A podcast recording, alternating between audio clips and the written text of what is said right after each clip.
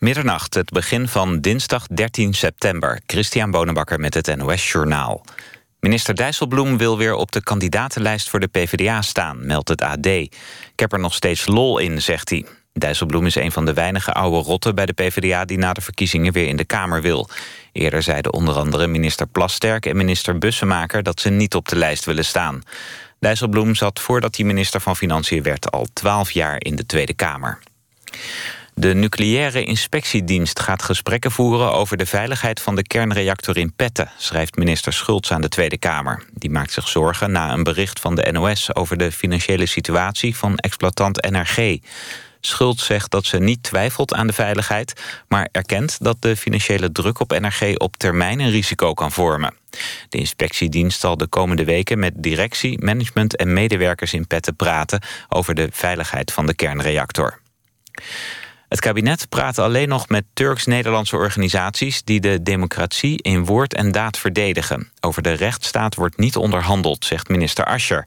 Sinds de mislukte staatsgreep van twee maanden geleden... hebben 175 Turkse Nederlanders aangifte gedaan... van bedreiging, intimidatie en geweld. Ascher wil dat Turks-Nederlandse organisaties zich uitspreken tegen zulke praktijken. Banken brengen al jaren te veel boeterente in rekening... als klanten hun hypotheek oversluiten, meldt het tv-programma Radar. De boeterente mag niet hoger zijn dan de inkomsten die de bank misloopt... doordat een hypotheek tussentijds wordt aangepast. Maar volgens Radar houdt geen enkele bank zich eraan. Gemiddeld zouden klanten ruim 3000 euro te veel betalen. De grote banken zeggen dat het verwijt onterecht is... en dat het onderzoek waarop het tv-programma zich baseert niet deugt. Het weer, het is helder vannacht en het koelt af tot ongeveer 16 graden. De komende dag schijnt de zon volop en het wordt 28 tot 32 graden. Een record voor midden september. Ook woensdag kan het tropisch warm worden. Dit was het NOS Journaal. NPO Radio 1. VPRO. Nooit meer slapen.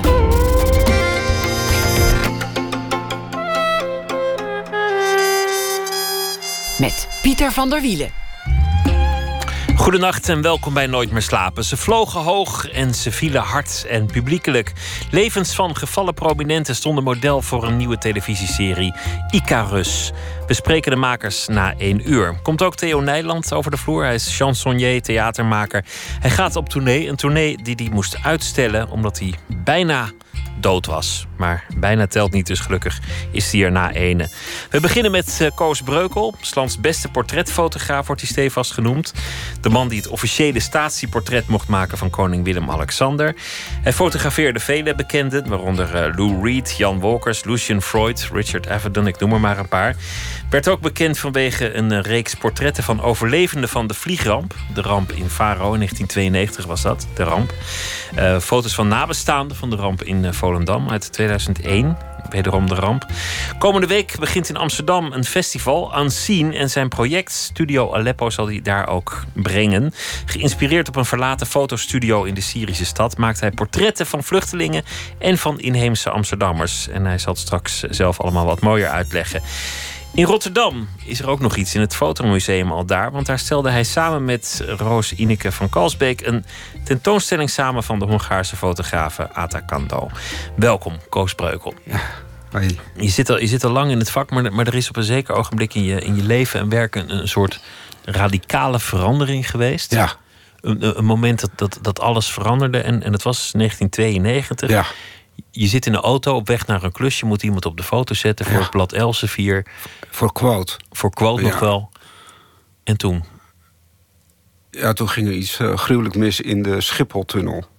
En uh, uh, mijn assistent, die verloor macht over het stuur. En toen, ja, toen hebben we daar dus een aanrijding veroorzaakt.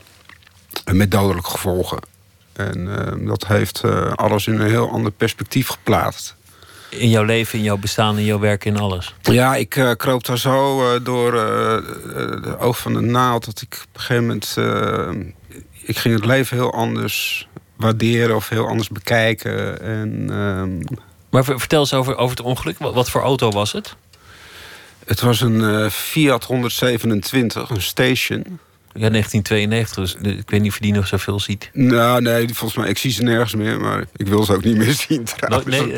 nee, maar hij, hij was vrij zwaar met apparatuur uh, natuurlijk uh, beladen. En um, ja, en die auto begon gewoon te slingeren. En uh, ja, toen uh, hebben we een andere auto geraakt en die is over de kop gegaan. Er zat een vrouw in en die was op slag dood. En, uh, en onze auto die kwam op een gegeven moment uh, tot stilstand tegen het wand van die tunnel. En alles stond dus uh, schots en scheef. En, en um, ja, toeval wou dat de, de file die daardoor veroorzaakt werd... daar zat een cameraploeg in van de NOS. Dus die hebben dat allemaal gefilmd ook. Het is natuurlijk heel bizar dat je dan op een gegeven moment naar het journaal kijkt... en je ziet daar je eigen auto-ongeluk. Je eigen ravage. Je, je, eigen ravage en... Um... Maar de, er was één, één dode bij het, bij het ongeval. Ja, ja. Dat had jij ook kunnen zijn. Dat had, dat had je bijrijder ook kunnen zijn. Of, of degene die reed had het kunnen zijn. Het, het had ieder ander kunnen zijn. Op zo'n moment ben je volledig afhankelijk van het geluk. Een centimetertje naar rechts, een metertje naar voren. Ja. En het loopt allemaal heel anders. Ja. Wat, wat heeft ja, dat veranderd? Um, nou, ik ben sowieso daarna uh, veel meer tijd gaan nemen voor dingen. En ik ben dingen veel beter gaan bekijken ook. En ik ben me ook veel meer uh, gaan verdiepen in uh, mensen die kwetsbaar waren. En, en dat werd op een gegeven moment werd dat gewoon een soort. ja, een soort. het werd een soort levensstudie, zeg maar. Naar kwetsbaarheid. Ja, ja, ik ben op een gegeven moment inderdaad die overlevenden van de Faro-ramp gaan fotograferen. Want ik dacht namelijk dat, dat dat vliegtuig dat stortte neer in dezelfde periode als dat ik dat ongeluk kreeg. En toen ik uh, dus aan het herstellen was, toen zag ik die beelden van hoe die mensen uh, teruggevlogen werden naar Nederland. En, en die werden dan uh, op een hele grote afstand werden ze gefilmd. En het, het was nog steeds. Um, uh, noodweer. En dan zag je die mensen zag je lopen met die jassen over hun hoofden. En ze werden heel anoniem gehouden. En toen dacht ik al van... Uh, ik, ooit wil ik een keer iets gaan doen met die mensen. En toen, vijf jaar na die twee ongelukken eigenlijk... toen ben ik ze gaan benaderen. En... Um, Nee, dat was niet zo even ontmoeten en dan een portret maken. Maar dat waren echt hele... Ja, het, uh, uh, ook bij die mensen thuis. En mensen, dan bij mij moest ik dat vertrouwen winnen. En, wat, wat fascineerde je zo aan, aan die overlevenden van, van die ramp? Nou, ik had heel erg het gevoel dat... Uh, ik, ik, keek natuurlijk heel erg naar mezelf. Ehm, dat... Um, ja, dat het eigenlijk. Uh, kijk, als je zoiets overleeft, dan heb je ook momenten van een soort euforie. En ik, ik had zo het gevoel dat het heel mooi was om natuurlijk dat trauma ook te delen. En, uh, en... Je herkende iets van je, van je eigen ongeval in, in wat die mensen hadden meegemaakt. Ja. Bij jou was een auto onder een luchthaven, bij hen een vliegtuig op de landingsbaan. Ja. Maar de essentie is hetzelfde. Je, je bent er nooit ontkomen aan iets. Ja, en ik vond het een monument waardig, zeg maar. Dus dat, dat soort gevoel had ik. Niet dat ik onsterfelijk was of dat die mensen onsterfelijk waren, maar gewoon. Um, ik, vond het, het, mooi om te delen en dan om er iets, iets, iets van te maken, wat gewoon zichtbaar was. En ja, en dat deed ik natuurlijk met, uh, met een foto. Die mensen, zelfs als je het verhaal niet kent, dan zie je die kwetsbaarheid. Ja. ja. Niet zozeer die euforie, die, die jij ook noemt. Nee, nee. Nee, die euforie, uh, dat vind ik altijd uh, uh, storend aan fotografie als het te schreeuwerig is of te, te veel bekken trekken of te, te, of te, te de, de, voor mij blijft een foto heel lang houdbaar als je al dat soort emoties niet ziet, maar wel voelt, zeg maar. Je moet het voelen, maar niet zien. Ja. Terwijl het natuurlijk wel door je ogen binnenkomt, uiteindelijk een portret. Ja, klopt. Ja. Maar het moet er niet te dik bovenop liggen. Nee, want dan, dan, dan blijft zo'n beeld uh, mysterieus. En dan is dat voor de kijker is dat natuurlijk gewoon uh, veel interessanter om iets te kunnen ontdekken aan een beeld dan dat je met, meteen al geconfronteerd wordt met uh, bepaalde emoties. En, um... Is het ook sinds je ongeval dat, dat, je, dat je misschien merkt dat je meer op zoek bent naar kwetsbaarheid in, in je geportretteerde? Ook, ook als het niet per definitie in zo'n project zit?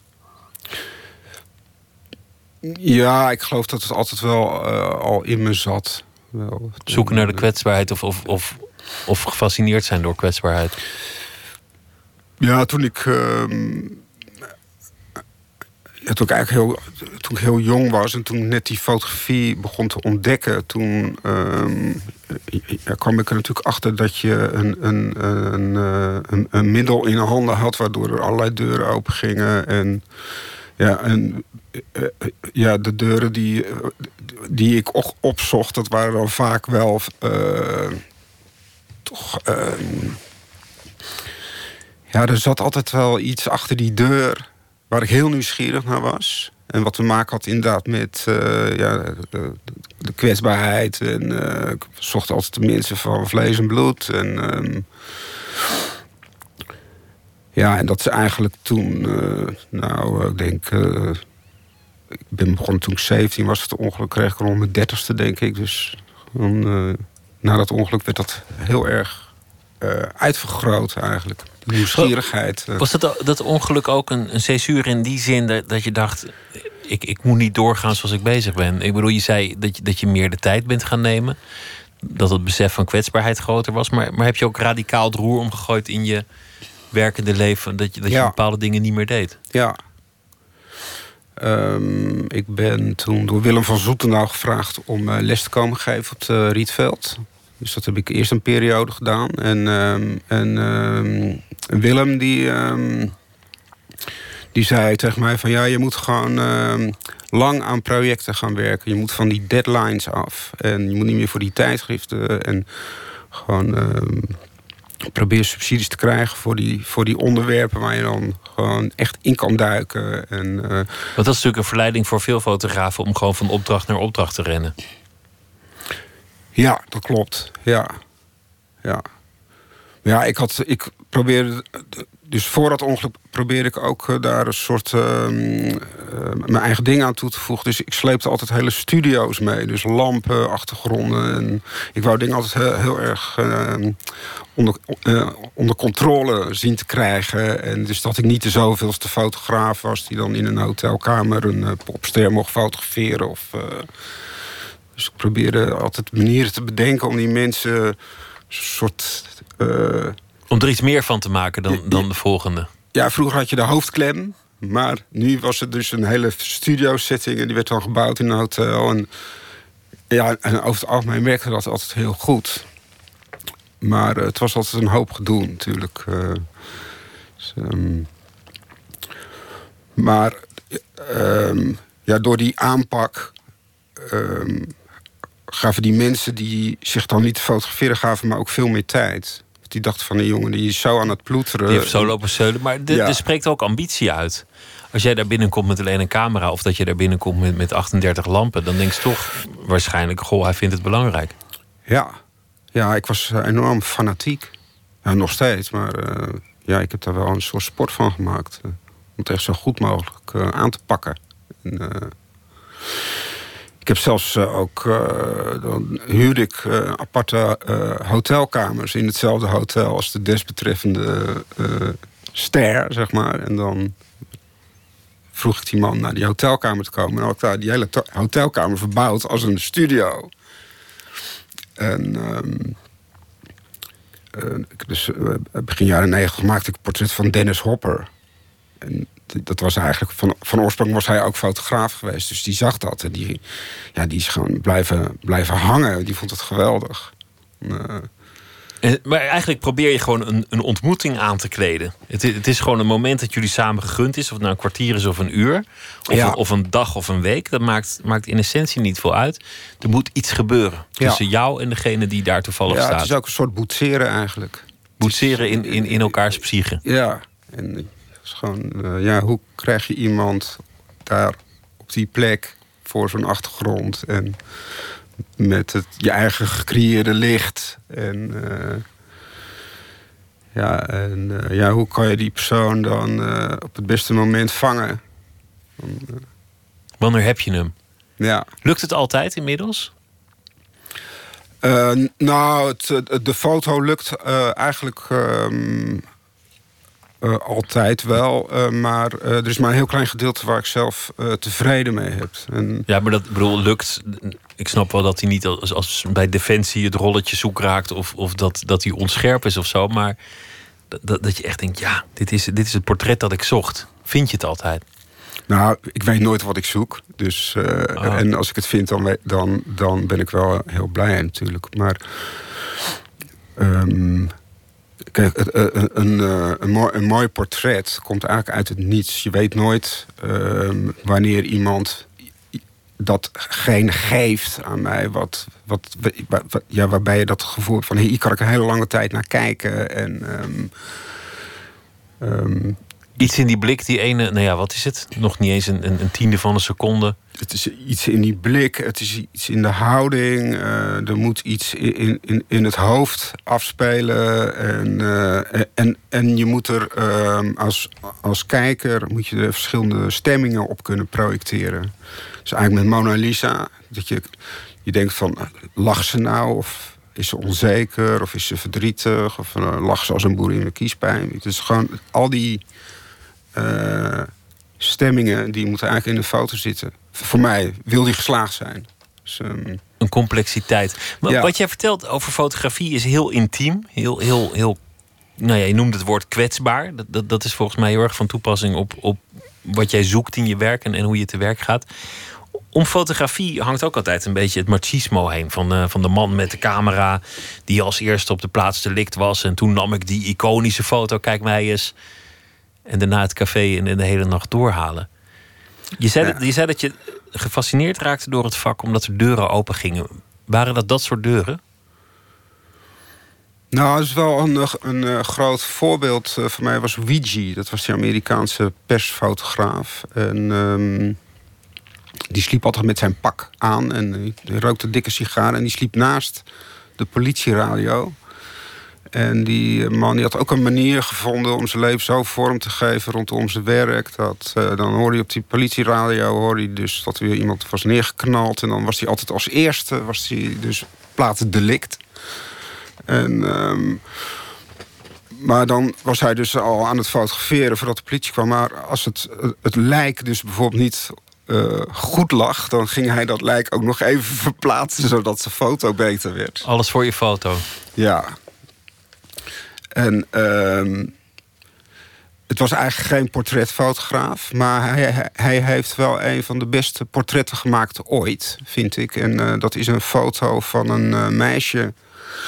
Uh, die zit op haar knieën op het strand van Coney Island. En voor haar ligt haar vriend. En die hebben ze net uit de zee gevist. En die proberen ze nog met zuurstofflessen het, het leven te redden. En um, op de achtergrond staan allemaal toeschouwers. Die staan uh, niet naar het tafereel te kijken, maar die kijken allemaal in de lens van die fotograaf. En uh, het gekke van het beeld is dat dat meisje, die uh, zit dus op haar knieën. Zij kijkt ook naar de fotograaf en zij lacht. En um, ja, en dat, dat is een beeld waar ik gewoon... Uh, toen ik hem voor het eerst zag, dat greep me echt heel erg aan. Ik dacht, hoe, hoe kan dit? Hoe kan hij dit gemaakt hebben? En hij moet, hij moet iets gezegd hebben tegen haar. Hij, hij, heeft contact weten te krijgen met haar. Zij is natuurlijk in een soort shock. En waarom kijk, kijk, kijken die mannen op die achtergrond... waarom kijken ze zo boos naar die fotograaf? En dat vond ik echt een enorm raadsel. En um, op een gegeven moment kocht ik uh, dus uh, al die boeken van die man. En ik geloof na tien jaar, toen kocht ik een boek. En daar hadden ze de, uh, een titel onder gezet. En um, de titel was Smile for the Camera. En, um, en toen dacht ik van, dat heeft hij tegen haar gezegd. Op dat moment. En zij was natuurlijk uitermate kwetsbaar. En in een shock. En hij roept naar haar smile voor de camera. En zij gaat lachen in een soort reactie op die fotograaf. En die, die mannen op die achtergrond die horen dat ook. En die denken van, wat is dit voor een een mafketel? Ongepaste opmerking en, en Totaal. eigenlijk een, een totale streek. Totaal onge- ongepast. En dat is natuurlijk een, een, een eh, ploert van een persfotograaf. En, eh, maar ik vond het zo... ehm, eh, ja, ik- dat maakte die foto zo raadselachtig. Dat, eh, ja, ik werd er gewoon helemaal, door gebiologeerd eigenlijk. Ehm, Doe je dat zelf wel eens als je iemand moet portretteren dat je, dat je snel iets roept om hem te kwetsen, boos te maken of te ontwrichten of, of, of in een andere modus te stoppen? Voer je psychologische oorlogvoering achter je camera? Nou, ik probeer het dan wel met een soort humor. Eh, ik ben niet iemand die eh, natuurlijk een, dat soort opmerkingen gaat maken. En, ehm, Maar in subtielere zin? Nou, eh, ik moest Wilders fotograferen en dat was vlak voor de kerst. En eh, hij was natuurlijk door mediatrainers. Hij ging zitten en lachen. En het was voor Newsweek, dus het Am- Amerikaanse tijdschrift. Dus het was voor hem nog wel belangrijk. Dus hij ging echt op het puntje van zijn stoel zitten. En toen, ehm, toen vroeg ik aan hem eh, van... oh, wil, je, wil je lachend op de foto? En toen, toen knikte hij zo. En toen zei ik van, of wil je huilend? En toen, zei ik, nou ja, dan moet jij niet leuks denken. Denk maar aan de kerst. En op dat moment zag je die... ehm, zag je hem eigenlijk, dat, dat, die hele houding van hem viel uit elkaar. Want hij ging op zoek naar een kerstgevoel. En eh, dat, dat, dat had hij natuurlijk niet. En had het gevoel van, ja, dit is een man die gewoon met een verrekijker naar de kerstboom van de buren kijkt. En dus dat, was, dat, dat hele kerstgevoel bij hem oproepen, dat zorgde voor een soort verwarring.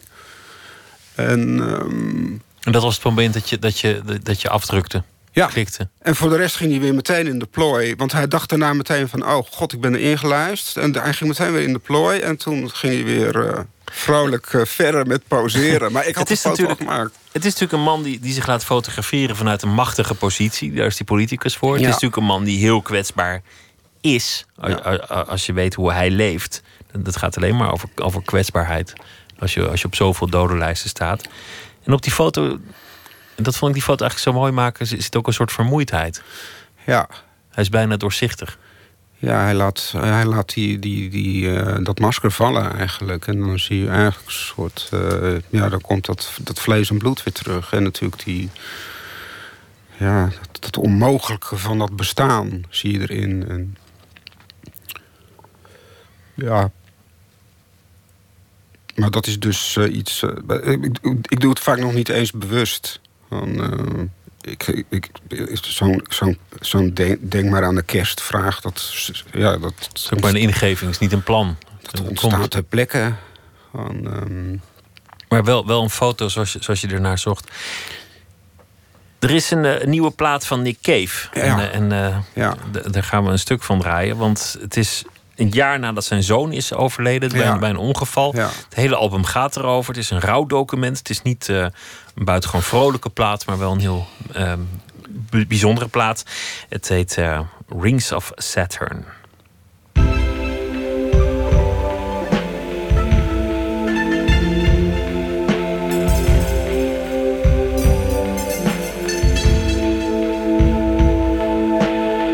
Upside down and inside out Like a funnel web, like a black fly on the ceiling. Skinny white haunches high and skyward And a black oily gash. Crawling backwards across the carpet to smash all over everything. Wet black fur against the sun going down. Over the shops and the cars And the crowds and the town. And this is the moment, this is exactly what she is born to be. Now this is what she does, and this is what she is. And this is the moment, this is exactly what she was born to be. This is what she does, and this is what she is.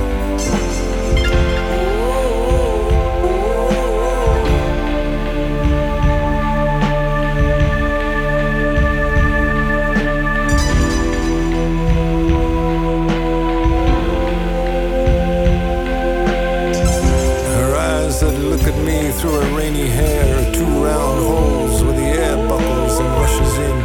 Her body moon blue as a jellyfish, and I'm breathing deep, and I'm there, and I'm also not there. I'm spurting ink over the sheets, but she remains completely unexplained.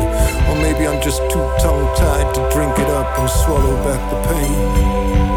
I thought slavery had been abolished. How come it's gone and reared its ugly head again?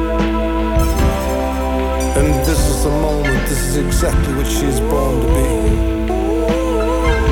And this is what she does, and this is what she is. And this is the moment, this is exactly what she is born to be. This is what she is, and this is what she does.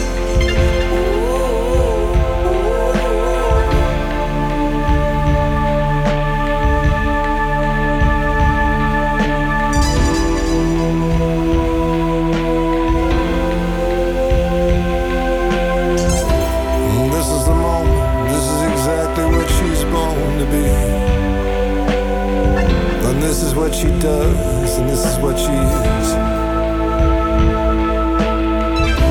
And this is the moment, this is exactly what she's born to be. And this is what she does, and this is what she is. Now she's jumping up with her leaping stepping over heaps of sleeping children, disappearing and further up and spinning out again. Up and further up she goes, up and out of the bed, up and out of the bed and down the hall where she stops for a moment and turns and says, Are you still here? And then reaches high and dangles herself like a child's dream from the ring.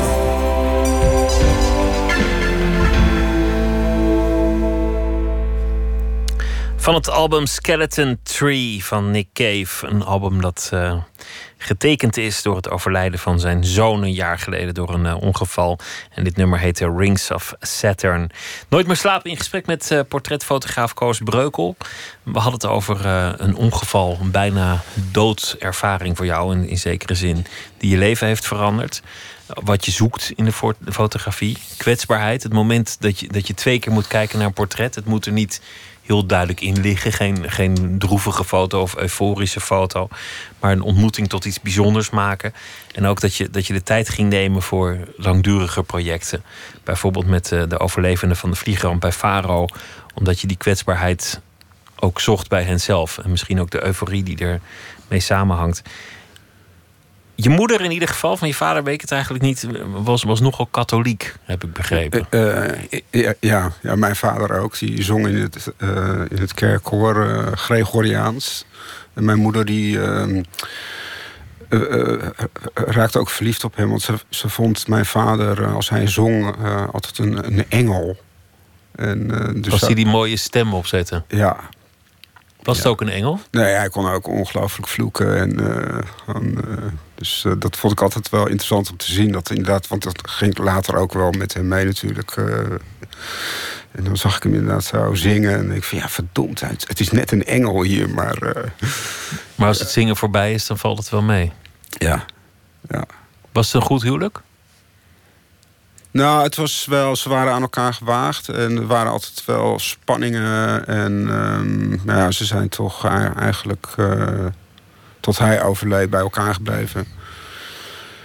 Um, het was een, een huwelijk met uh, ups en downs, maar uh, ze hadden wel een, een tandem ze, en een tweepersoons kano. Dus ja, dat zegt toch heel veel over die twee Dan mensen. Dan ben je graag samen als je zo'n ja. ding koopt. Of, of in ieder geval is er het verlangen om het graag ja. leuk te hebben met z'n tweeën. Ja. Heeft het katholieke geloof bij jou eigenlijk nog, nog iets gedaan? Is, is, dat, is dat blijven hangen? Nou, mijn moeder die kocht voor mij de geïllustreerde kinderbijbel. En uh, ja, ik was gewoon heel visueel ingesteld als kind al. En ik zat eigenlijk altijd naar die, die, die plaatjes te kijken. En uh, ja, wij bezochten veel natuurlijk kathedralen en zo. En ja, ik kon dat wel... ja, ik kon er wel lang naar kijken. Naar al die ja, wat, wat, voor plaatjes zijn dat? Ik krijg meteen een voorstelling, maar het is misschien een hele andere dan, dan, dan wat het bij jou was. Ik denk meteen aan nou ja, soort krijtstrepen Jezus in een, in een kribbe in, nee, een. Je, je, je, zag ook bijvoorbeeld uh, hoe ze in Egypte dan een, uh, een piramide aan het bouwen waren en dat soort. Uh, het was echt rijkelijk geïllustreerd. En, Ja, eigenlijk. Het, was eigenlijk, het waren eigenlijk ook een soort geschiedenisboeken voor mij toen. Verhalen, Ja, ja, geschiedenissen. ja.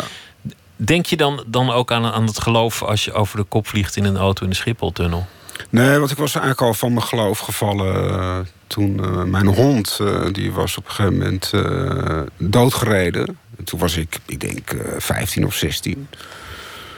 Of Nog jonger zelfs. Maar toen, toen ben ik echt helemaal falikant van mijn geloof gevallen. En, Je dacht als een god dit kan doen, dan, dan, dan hoef ik er niks meer mee. ja, ja, ja, dat dacht ik echt. Hebben je ouders nog geprobeerd je op andere gedachten te brengen? Nou, mijn moeder eh, die. eh, nou, mijn moeder die dacht op een gegeven moment eh, van... eh, ik kan eigenlijk maar één, één ding doen met hem... en dat is hem een camera geven... en hij moet maar iets gaan doen met, met beeld. En, ehm, Want dat ligt hem en dat fascineert hem. ja, Wat voor camera gaf ze? een Canon FTB. Oh, dat klinkt wel chic. Nou, dat was een eh, heel een eigenlijk zware spiegelreflexcamera. En het was een afdankertje, want mijn moeder was amateurfotograaf. En zij vond hem te zwaar. Dus ik kreeg dat ding en eh, ja, daar ging ik gewoon eh, eerst landschappen mee maken. En, ja, en toen pas later toen, ehm, ben ik me eigenlijk gaan interesseren voor mensen op de foto. Dus niet, ik was niet zozeer geïnteresseerd in de mens, maar gewoon meer van... hey, hoe ziet die persoon eruit als ik hem fotografeer? Want Dus het was eigenlijk een enorme nieuwsgierigheid. En ik had eigenlijk voordat ik zelf eh, heel actief ging fotograferen, had ik al een doka. Dus dat was ook heel raar dat ik eigenlijk al bezig was met het afdrukken van allerlei foto's van mijn moeder. En ehm, Nog, nog voor je echt met het fotograferen bezig was. ja, En, Ja. en wat bedoel je met het, de fascinatie voor mensen op de foto? Van hoe, hoe ziet Henk eruit op de foto? Of Ja, dat gek, anders hè? is dan in het echt? Of ja, dat is heel gek. Ja, het is een soort, Een soort spiegelbeeld. ja, een soort nieuwsgierigheid van hoe, hoe eh, als ik die persoon fotografeer, hoe ziet dat eruit? Gewoon, eh, kijk, van de mens eh, vond ik al zo grillig dat ik dacht van ja, je kan nooit iemand fotograferen zoals hij is. Zo'n foto, dat moet dan gaan over eh, die, die ontmoeting tussen mij en die persoon. En, ehm, en eh, eh, ik probeer dat gewoon dan. Ja, vanuit mijn nieuwsgierigheid probeer ik dat dan ook zo te maken. Maar dat is, dat is interessant wat je zegt. Want, want er zijn ook fotografen die zeggen... ik, ik wil iemand ziel vangen of ik wil iemand Ja, maar daar geloof ik helemaal vastleggen niet. Ja, zoals dat- die is... of zijn, zijn ware aard ontdekken. Ja, gel- geloof ik, daar geloof ik helemaal niks van. Dat is allemaal geleuter. Ja, ja, iemand ten voeten uit of. ehm, Het is een moment en een ontmoeting. Het is, het, een foto, zo'n foto gaat over een ontmoeting. En je kan me in die ogen kijken wat je wil, maar dat, dat zijn heus niet de spiegels van de ziel. Dat zijn allemaal van die, van die eh, eh, portretfotografen uitspraken, zeg maar. Maar eh, Wat betekent die camera voor jou? Want je zei hij maakt deuren open, maar wat betekent het verder? Is het, is het als, een, als een muziekinstrument? ja. Ja, ik. Eh, de, eerste fotografie die ik zag, dat was van Ed van der Elske. Dat was een heel grof, korrelige fotografie. En omdat ik die doka had, kwam ik erachter dat als je grotere negatieven ging gebruiken, dan raakten die korrels, die werden minder. En dan werd die foto die werd heel scherp. En dan eh, werd de- de huid, dat zag er dan niet meer uit als schuurpapier, maar dat werd dan echt van vlees.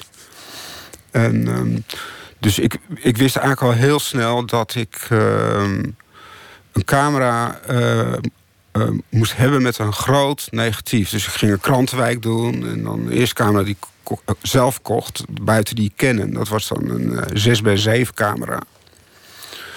En ehm, alleen die van de Elske, die, die, die, die rende over straat... en die, die ving die mensen zo terloops. En, maar die, die, die camera, die 6 bij 7, die was zo zwaar... dat... ehm, op een gegeven moment moest ik ook een statief erbij kopen. En ja, want ik probeerde dan wel mensen te vangen op straat, maar dat ging helemaal niet. En eh, dus zet ik die camera op statief. En ja, dan moest ik dus maar mensen vragen of ze dus stil wouden gaan staan. Zo, zodat ik met een vrij lange slijtertijd zo haarscherp mogelijk die foto kon maken. Wat haak staat op wat Ed van der Elske deed. Want die, die had dan drie, drie dames precies in dezelfde pas. Ja, ik was me echt totaal aan het afzetten tegen Ed van der Elske. Terwijl ik dat werk enorm bewonderde. Maar ik dacht van, ik moet mijn, mijn eigen ding doen. Dus ik moet me daardoor niet laten beïnvloeden. En daarom ging ik zo onmogelijk uh, aan de slag. Maar Schoppen toen, tegen je eigen idolen? Uh, ja, het was echt verzet. En, uh, maar toen kwam ik er dus achter dat ik door dat statief en die camera en do door die mensen neer te zetten, toen kwam ik erachter dat ik bezig was met het maken van portretten. Ik wist eigenlijk helemaal niet wat, wat portretten waren. Dus. Um, en toen um, kwam ik op een academie terecht. En toen zeiden die leraren van ja, uh, bedoel, uh, ja je moet eens kijken naar het werk van uh, Irving Penn. Of kijk eens naar. Kijk eens naar Diana Arbus. Richard Avedon of... Avedon die kwam later. Gewoon... Um... Maar Ed van der Elske, ik, ik moest eraan denken omdat ik ben gaan kijken bij de expositie die hij heeft samengesteld in, in, in Rotterdam. Ja. Daar komen we straks nog over te praten. Daar is ook een expositie van Ed van der Elske. En, en als je dat ziet, denk je toch... oh, die man had het voor elkaar. Met je camera de wereld over en alles vastleggen. Het is, het is ook een, een mooi leven, een gedroomd leven. Ja, dat Daar gaat die fotografie ook een beetje over. Dat je, dat je van zijn leven droomt. Nou, dat, dat was dat e-, eerste boek. Uh, waar die hele grofkorrelige foto's stonden. Dat heette Sweet Life. En dat ging inderdaad over die wereldreis. En, uh, dus, en uh, ik zag dus eh, aan de hand van dat boek. dat, ja, dat je met die camera overal kon komen. En ja, je kon overal naar binnen lopen. Er hoort een leven bij. Ja. Zoals een trompetist door zijn, door zijn toeter een leven krijgt. Ja, ja. Ja, dus dat was een, een, echt een ontdekking. Als je in rouw bent, je, je beide ouders zijn overleden, dan, dan pak je ook je camera. Dan, dan is dat kennelijk ook een instrument tot, tot verwerking of in het ja. reinen komen met, met alles wat, wat je overkomt. Want je hebt, je hebt foto's gemaakt van zowel je vader als, als je moeder. Ja, en mijn beste vrienden ook. Ja voor, tijdens of, of na het sterven. Eigenlijk allemaal in die, in die periode dat het gebeurt. Dan, dan pak jij die camera. Dan, dan, dan moet die camera ertussen zitten om, om die dood in de ogen te zien. Ja, ik heb inderdaad wel uh, de dood. Uh, dat kwam uh, of komt vaak op mijn spoor op een of andere manier. Ik weet niet hoe dat kan, maar. Um, maar ehm, allebei mijn beste vrienden die zijn ehm, kort na elkaar overleden. En um, tussendoor ging mijn vader dood. En een tijd later is mijn moeder dus overleden. En plus nog een paar vrienden. Dus dat was een heel raar soort van... Um, um, uh, ja, ontmoeting met de dood de hele tijd weer. En uh, ik kwam er gewoon achter dat, ja, dat, door het te fotograferen, uh, dat ik het op, voor mezelf een plek gaf. Um, en um, ik noem dat altijd mijn, uh, ja, dat, zijn, uh, dat is mijn, koest, mijn koesterende werk, zeg maar. Terwijl het is natuurlijk niet, uh, het is niet aantrekkelijk om naar te kijken. Maar... Kijk, kijk je er ooit naar? Ja, ik had mijn vader zelfs, toen hij overleden was, had ik, hem, had ik een drieluik van hem gemaakt in zijn kist. En die heb ik zelfs een hele lange tijd in mijn atelier uh, opgehangen. En, um, en dan kwam mijn moeder, die kwam dan op visite. En dan zag ze die drie foto's hangen. En dan ging mijn moeder die, ging die foto's groeten. En die zei dan... Hallo Gerry, hallo. Die ging zwaaien naar die foto's. En ik vond dat... dat vond, vond ze het niet erg toen je dat deed? Toen nee. je foto's maakte? Nee. Niemand? Die, die zei, hey, hey Koos, moet je dan hier nou met die camera? Nee, het was zelfs uh, dat een van mijn tantes... die gaf me een poor en die zei van... je moet hem fotograferen. En toen ben ik dus snel naar uh, Amsterdam gereden, mijn camera gehaald. Toen weer terug. En uh, toen kwam ik bij, die, bij die begrafenisonderneming. En toen... ik zeg, ja, ik kom meneer Breukel fotograferen. En toen zei die man, oh, loopt hij maar even mee. En... En toen trokken ze dus mijn vader uit een hele grote ijskast. En uh, hij lag daar in zijn kist. En daarnaast stonden nog kratjes bier. Ja, het is totaal bizar eigenlijk. Maar hij zette dus die kist zette die mooi neer in, met licht. En, en ik zet mijn camera op statief. En die man die, die vraagt zo aan mij van... Um, hij zag dat ik het heel zorgvuldig aan het aanpakken was. En toen zei hij van, van welk bedrijf bent u eigenlijk? Ik zeg, uh, nou, ik ben, ik ben van geen één bedrijf. Het is mijn vader. En toen schrok die man helemaal. Dus die had helemaal niet verwacht dat een zoon dat zou doen. En met zoveel zorg en, en uh, ja. professionaliteit ja. toch ook, kennelijk. Ja. Is het ook een overwinning op de dood, een, een, een foto? Omdat dat je zei, het is maar een moment. Het, het is een ontmoeting. Maar het, het is wel voor eeuwig. Ja, dat, het, het is echt uh, letterlijk ver, vereeuwigen. Van, um... En daarmee aan de dood onttrekken. Ja. Nou, of in ieder geval uh, de dood tarten. Of uh, ja, gewoon misschien proberen te ontkennen dat hij er is. Want je... Um, Maar, ja, maar dat, uh, ja, dat geldt natuurlijk niet als je uh, overleden mensen fotografeert. Dan, Die zijn al dood. Ja, dan, dan dat, ik vind een foto's van overleden mensen vind ik altijd iets heel. Um, um, ja, ik kan er ook heel rustig van worden eigenlijk als ik er naar kijk. Dat is ook heel gek. Waarom? Nou, omdat. Ja, dat, dat, dat, dat, dat, dat, dat, zo, ja, zo werkt dat op mij. Toen mijn vader dus in die kist bij mij in dat atelier aan de muur hing, werd ik altijd wel vrij, vrij rustig als ik er naar keek. Ik ging er half van mediteren, zeg maar. Het heeft ook iets sereens. Bedoel, nou, het sereen en het re relativeert ook heel erg. En er gaat weinig kwaad vanuit van, van iemand die er al is. Ja.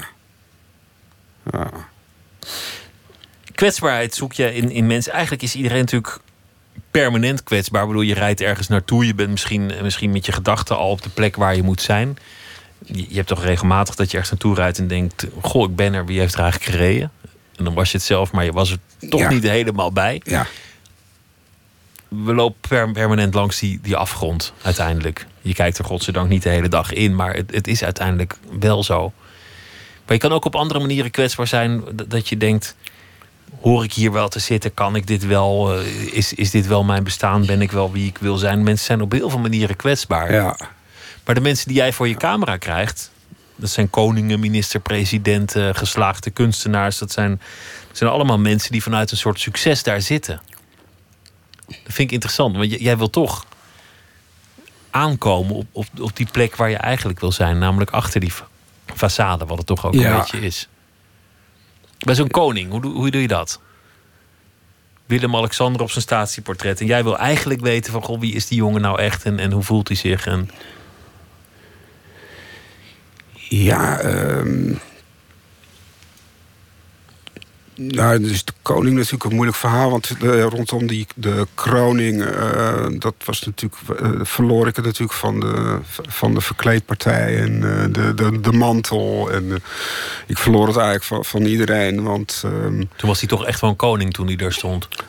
eh, nou ja, dat. dat ehm, ehm, d- zo heb ik hem dus ook wel gefotografeerd. En eh, de, RVD heeft toen eigenlijk een hele andere foto uit, uitgekozen. Waarbij het net is alsof hij naar een cabaretvoorstelling gaat. Maar de foto dus dat hij echt uitstraalt dat hij koning wordt. Die staat bij mij thuis eh, in het rommelhok. Maar daar, ook, daar kan ik vrij rustig van worden als ik daar naar kijk. Ehm, maar ehm, ja, ik geloof dat hij zich wel vertrouwd voelde met mij. Eh, ik, ik kwam niet met eh, tientallen assistenten aanzetten. Ik had maar één assistent, dat was eh, Shinji Otani. Dat is een Ja- Japanse jongen. En ja, we probeerden gewoon zo snel mogelijk... het zo goed mogelijk te doen. In een situatie die natuurlijk vrij onmogelijk was. En... ehm, Toch zie ik wel op die foto, want ik vind het een mooie foto. Hij staat er niet, niet de baas te zijn. Ik bedoel, hij, hij staat daar als koning. Maar ik zie toch ook wel een, een, een jongetje. Ja. Ja, ehm, ja, dat was ook wel een soort streven van hoe laat je iemand zien die een soort uh, macht moet uitstralen, maar hoe laat je hem ook zien als gewoon mens? En uh, hoe, laat, hoe laat je zien dat hij een groot is, maar hoe laat je ook zien dat hij klein is? En dat allemaal in één foto. Er zat bijna ongemak in. Dan sta je met die, met die mantel om. En, en dan met, met dat lint om. En dan, dan helemaal die statie. Terwijl die ergens toch ook uitstraalt. Ja, ik, ik zit, zit net zo lief in, met mijn spijkerbroek op de bank bij de hockey naar mijn dochters te juichen. Ja, maar dat was ook wat ik wou laten zien. En, uh, ja, ze gaan natuurlijk. Uh, ik dacht, jij moet laten zien dat hij uh, gewoon uh, ook een goede vader is. En dat hij ook ja, liefdevol is. En, want ja, een koning, ja, wat is een koning? Ehm, ja, wat is een koning? Wat, kan je daarbij voorstellen? Dat is toch helemaal niets. Eigenlijk, nee. nee, daar gaat het helemaal niet om in, in, in het bestaan, vond ik toen. dacht van, nou, je denkt uiteindelijk, leidt hij hetzelfde leven als, als ik? Of, of heeft hij dezelfde kwetsbaarheid? Of, of staan we toch tegenover elkaar? Ja, eigenlijk gewoon totaal um, ja, gelijk, gelijkwaardig. En uh, ik, ik, ik kan ook niet buigen, ik kan niet ja knikken. Dat zei ik ook tegen hem. Ik zeg, ja knikken en fotograferen gaat niet goed samen. Echt niet. En dat vond hij allemaal prima. Dus, um, ja. We gaan luisteren naar de White Stripes. Want uh, er is een compilatiealbum net uit met allemaal akoestische opnames die hij heeft gemaakt van uh, 1998 tot 2016. Jack White heb ik het over. En, uh, en, van allerlei formaties, waaronder dus de White Stripes. En een van de nummers die erop staat is We're Going to Be Friends.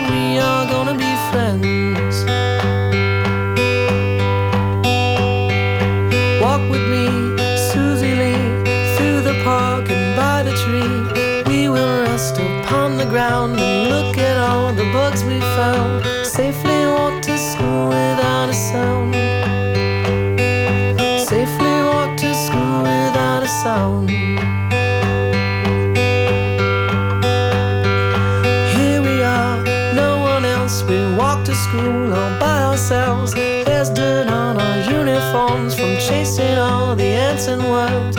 We clean up and now it's time to learn.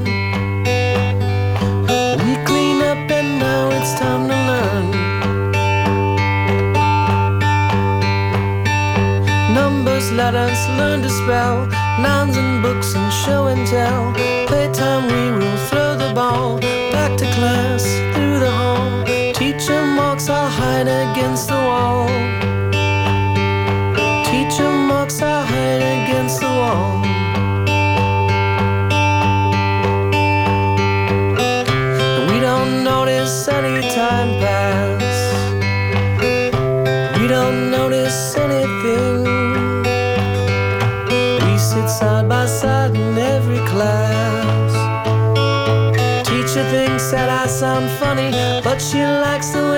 Sing. Tonight I'll dream while I'm in bed when silly thoughts go through my head about the bugs and alphabet. When I wake tomorrow, I'll bet that you and I will walk together again.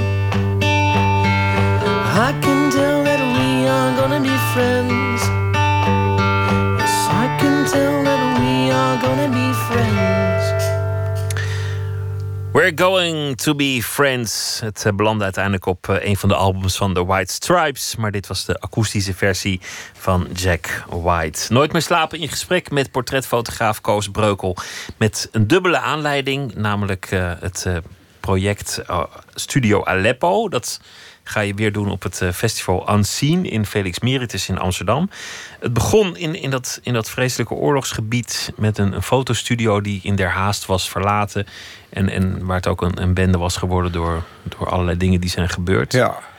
Daar lagen rolletjes hulsen, negatieve, nou, negatieve foto's, veel pasfoto's en eh, familie, eh, groeps, groepsportretten. En, ehm, en ehm, ja, dat belandde dus op straat en dat werd gevonden door eh, Isa Touma, Syrische fotograaf. En ehm, die had weer een vriendschap met Bas Vroeger van Paradox. En, ehm, en eh, Bas eh, die heeft op een gegeven moment aan mij gevraagd of ik een portret wou maken van eh, meneer Toema. En dat heb ik gedaan. En toen, op een gegeven moment, eh, toen zei Bas tegen mij van ja, je moet toch echt een keer die, die foto's bekijken die hij gevonden heeft. En, ehm, en misschien moeten we dan een keer eh, ja, die mobiele studio. En dan gaan we vluchtelingen fotograferen. En nou, het, was allemaal, het was allemaal nog vrij eh, soort van in een. hoe heet het? Een soort brainstormfase. het zat allemaal in een soort brain, brainstormfase. En ehm, toen ehm, zag ik die foto's. Toen dacht ik meteen van ja, dit ga ik doen. Want met die foto's... Ze hadden sowieso... ehm, een bepaalde onschuld zat erin. Maar dat zijn, zijn gewoon, gewoon, is gewoon een fotowinkel in de straat waar je gewoon je nieuwe pasfoto komt maken. Als je... vergelijkbaar met Heno en eh Toosang en misschien ook wel mijn eigen bedrijf. Gewoon het, het veel pasfoto's en eh, gewoon portretten. Allemaal in een periode van een soort onschuld. En er is niet echt een totale niets aan de hand. Ehm, familiefotootje. ja, alleen zijn ze natuurlijk allemaal beschadigd. Gewoon, ehm, omdat ze natuurlijk op straat hebben gelegen. En, ehm, en het, het wa- waren ook nog vrij veel beelden die op glasplaten gefotografeerd waren. Dus dan zie je zo'n glasplaat wat dan eh, eh, gebroken is. En, Wel grappig dat je zegt en, en dat je het ook met je eigen winkel vergelijkt trouwens. Want is natuurlijk niet zo dat, dat koning Willem-Alexander naar, naar de, de pasfotowinkel gaat.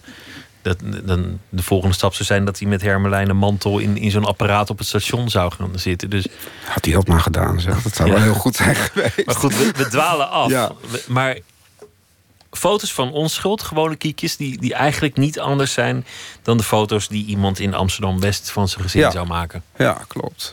Alleen omdat je, dat je het verhaal kent en die foto beschadigd is, Ja, is het confronterend. Ja, en toen werd het brainstormen wel, dat, werd wel, dat ging wel ergens heen of zo. Toen dacht ik van, eh, ja.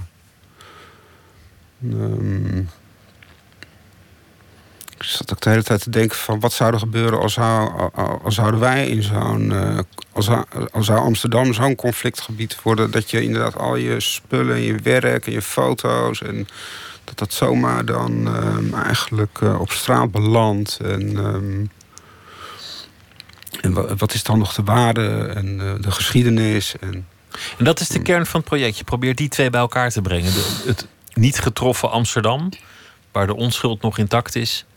En Aleppo, een, een door oorlog kapot gemaakt gebied. ja, we proberen eigenlijk, en dat heeft Bas eigenlijk heel goed eh gebrainstormd. Dat, ehm, ehm, hij, probeert gewoon de inwoners van Amsterdam, de, de vluchtelingen, te, te omarmen. Door ze een eh, portret eh, cadeau te geven. Dus die Amsterdammers die betalen voor hun eigen portret, maar ze betalen ook voor het portret van een, eh, van een vluchteling. Kan je afvragen van ja, zit een vluchteling te wachten op een portret? Ehm, ja, sommigen wel en sommigen ook weer niet, denk ik. Ze krijgen van mij wel allemaal zo'n bestand. Dus ze kunnen dan via hun telefoon kunnen ze dat weer eventueel eh, terug naar huis sturen. En, ja. Maar ik probeer ook eh, eh, in Misschien hebben ze er juist wel, ja, misschien. aan. oh, ja, dus daar zal ik dan ook achter komen of het gewaardeerd wordt. Ehm, maar ik probeer ze wel inderdaad in, in diezelfde soort onschuld. Ik probeer niet dat trauma er al te dik bovenop te leggen. Dus ik pro- probeer ook een soort. Eh, het moet eigenlijk een beetje gelijkwaardig zijn met die, die foto's die Isa Touma gevonden heeft. Maar ook eh, de foto's die dan hier van Amsterdammers gewoon in eenzelfde soort situatie gemaakt zijn. En, Zoals je, zoals je tegen de koning zegt, ja, schuddend kan ik niet heel goed de foto maken. Zo is het eigenlijk andersom ook. Dat je met je hoofd knikkend, omdat je het allemaal zo naar vindt, ook niet een goede foto kan maken. Nee, ik probeer controle te krijgen eigenlijk op eh, de werkelijkheid. En, eh, ik noem het altijd het temmen van de werkelijkheid.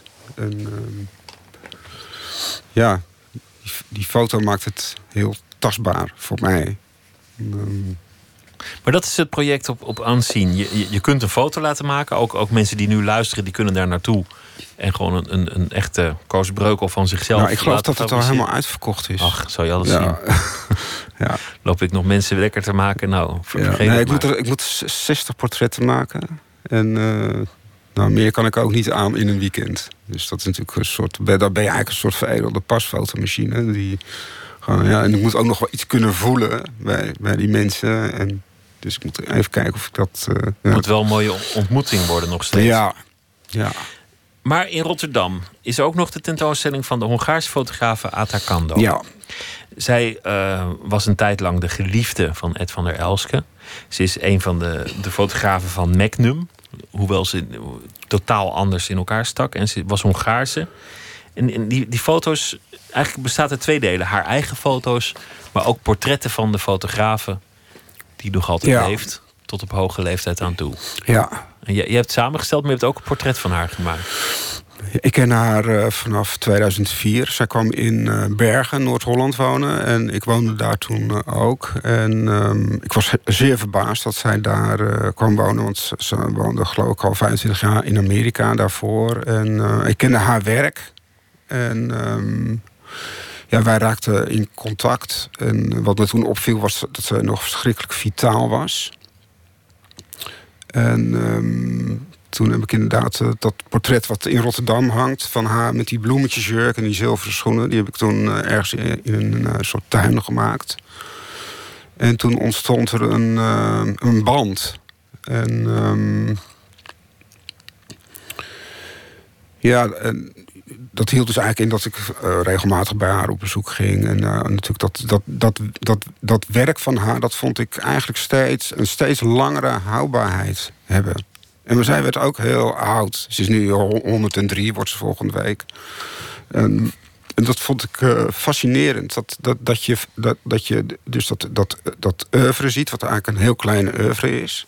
Maar dat het zo sterk overeind blijft staan. En een vrouw die altijd in de schaduw stond, natuurlijk ten eerste van eh, Ed van der Elske, maar ook van eh, de Magnum mensen, Robert Capa en Cartier-Bresson. Want zij drukte dus eigenlijk al dat werk af van die mensen. Dus ze was eigenlijk een eh, behoorlijk ploeterende moederfiguur ook.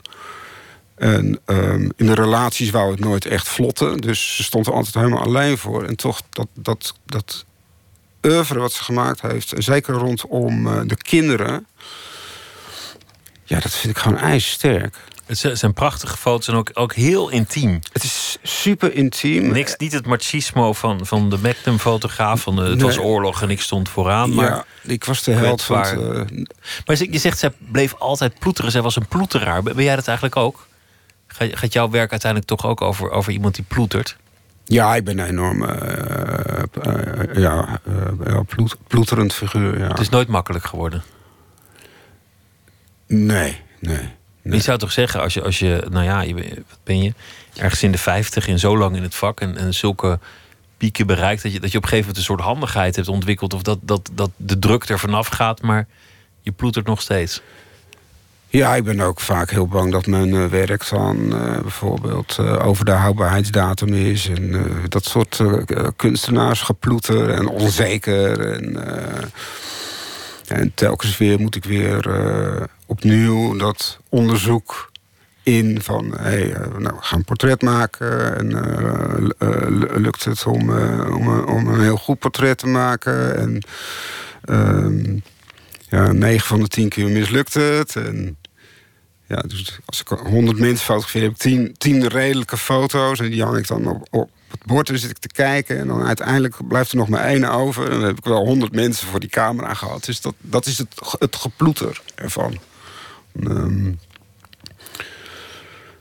maar eh, ja, ik denk dat iedere creatieve geest eh, daar last van heeft. Of, ja, of je, je, je, je, moet daar last van hebben. Want ehm, Anders moet je kappen. ja, dat hoort bij dat die creatiedrang. Je ziet nu de laatste tijd, zeker in de beeldende kunst... hoor je altijd dat, dat, dat, dat, dat gedoe over... ja, die kunstenaars, dat moeten maar culturele ondernemers worden. Ja, ja, dat... Ik zeg, mag, dat een keer, mag dat een keer afgesloten worden, dat hoofdstuk? lekker lekker ploeteren. Ja. Koos Breukel, dank je wel dat je te gast wilde zijn. Ik vond het leuk met je te praten. Rij voorzichtig en graag weer tot ziens. Ja, tot ziens. Ja. Radio 1, het nieuws van alle kanten.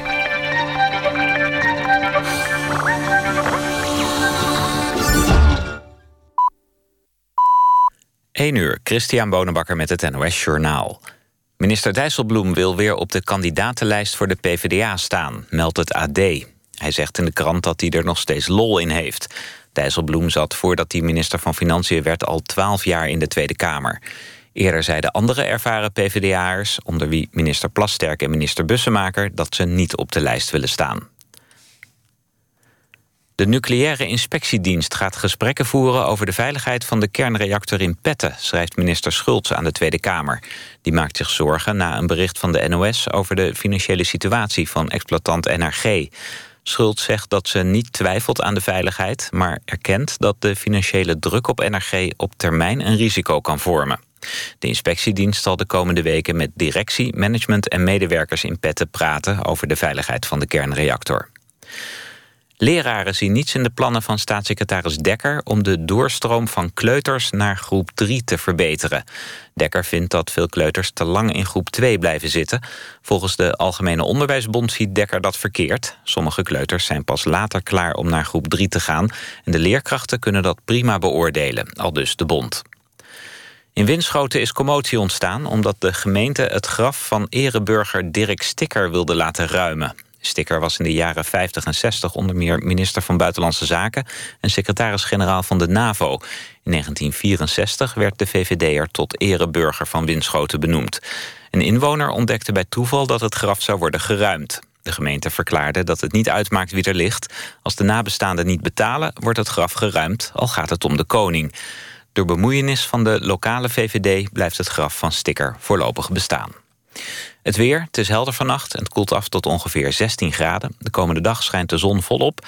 Het wordt 28 tot 32 graden, een record voor midden september. En ook woensdag kan het tropisch warm worden. Dit was het NOS Journaal. NPO Radio 1. VPRO. Nooit meer slapen.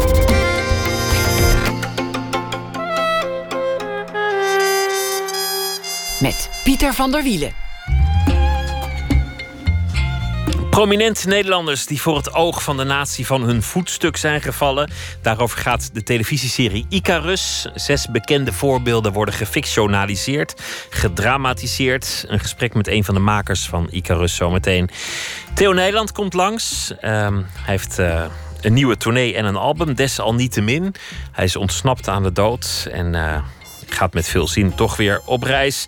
En hij is uh, te gast in de rubriek Open Kaart.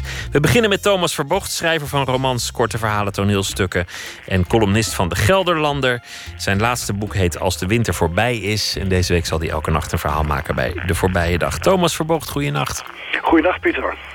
Leuk dat ik je een hele week aan de telefoon mag hebben. Ja, dat is wederzijds. Een tijdje geleden. Ja, echt, ja. Echt plezierig. Ja. Het, wordt een, het wordt een mooie week. Uh, nou, het was een mooie warme dag. En uh, wat is er verder gebeurd? Nou, ik zal maar... Dat is, van alles, maar ik, zal, ik heb één dingetje genomen. En ik begin maar. Ehm, in de NRC van vanavond staat een foto van een non... die naar de allerlaatste bedevaartstrein naar Lourdes wuift. Waarschijnlijk moet je Lourdes zeggen, maar ik ben opgegroeid met Lourdes. En als katholieke jongen wist ik ook wat daar gebeurde. In 1858 was Maria verschenen aan een meisje dat Bernadette heette. Zij, Maria, zij geloof ik ook iets, maar wat het was weet ik niet meer.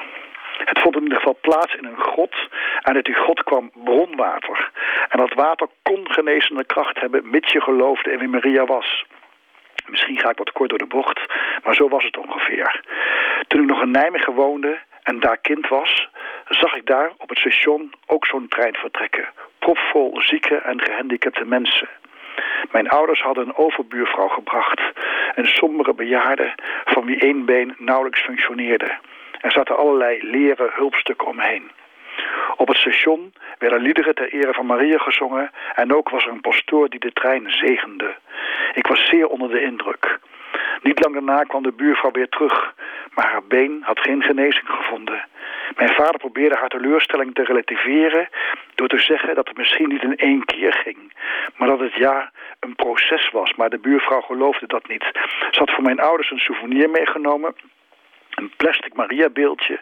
Het zat vol geneeskrachtig bronwater. Mijn moeder zei, als een van jullie ziek is, zal ik wat over jullie heen sprenkelen. En toen mijn ouders kort na een avond naar vrienden waren, besloot ik preventief met het water om te gaan. Op mijn derde was ik ernstig ziek geweest. Ik was inmiddels vijf jaar oud en volledig genezen, maar ik wilde dat het me niet nog een keer overkwam. Ik draaide de dop van het plastic beeldje en dronk het helemaal leeg. Het water had een oude smaak. Het is nu 58 jaar later. Ik heb misschien een keer of vier griep gehad, maar dat was het dan ook. Daarom zeg ik Ave Maria. Nou, voor jou heeft het in ieder geval gewerkt. Enorm, Pieter, enorm. Ja. Maar het was ook wel een beetje een zielig bericht. Want die, die trein die gaat dan binnenkort niet meer. Dan, dan moet je naar Loerden met andere vervoermiddelen. Het vliegtuig werd al geopperd door de verslaggever. Maar daar hadden de bedevaartsgangers mooi geen zin in. Nee, want ook als je dus zeg maar eh, bijvoorbeeld gehandicapt bent... dan is soms een zitplaats in een vliegtuig lastig. Ja, dat is En- niks. en- Als je, als je been gespalkt is, wil je niet een vliegtuig. Nee. Kijk, en het trieste is ook gewoon dat, dat ik dus begreep uit het bericht... dat het vooral gaat om een, om een, om een, om een rails naar het stadje of het dorp... ehm, dat die treinen niet meer eh, kan... Die, die rails is zo versleten dat er geen treinen meer overheen kunnen. Zoiets was het, hè? Ja, en ik, ik las ook dat het, dat het leuke van de treinreizen was... want dan deden mensen dat elk jaar... dat ze de hele weg katholieke liederen zongen. Ja. Dat, dat, zou, dat zou mij voorbij de Belgische grens al gaan irriteren... maar dan ben ik ook geen katholiek. heel benieuwd wat, wat voor liederen er allemaal Ja, zijn. Ja, ja. Ik ken ze niet, maar Nee. Ja, ik heb er eentje, maar ik kan het niet zingen. Maar dat was iets van... Ja, maar Ave Maria... nee, ik, ja, ik, mijn, moeder zong het vroeger wel eens. Ik, ik weet het niet meer. Nee. Nou ja, toch was het een droevig bericht... dat er geen trein meer naar Lourdes gaat. Zeer, ja. Lourdes. Alles wordt minder, ja. Alles wordt minder. Thomas Verbocht, goeienacht. En, eh, graag weer tot morgen. Tot morgenavond. Oké, bye. Local Natives noemen ze zich en ze komen uit Los Angeles. Ze hebben een derde album, Sunlit Youth. En daarvan is dit het nummer Dark Days.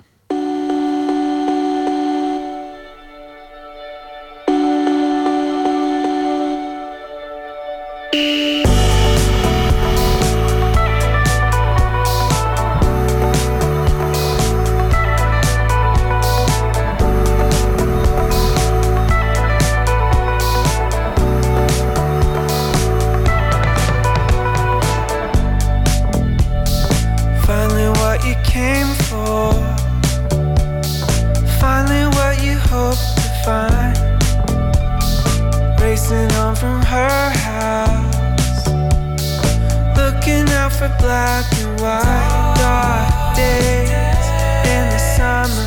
A million ways to toe the line. Can't wait. Holy other. Might as well be the seventh sign.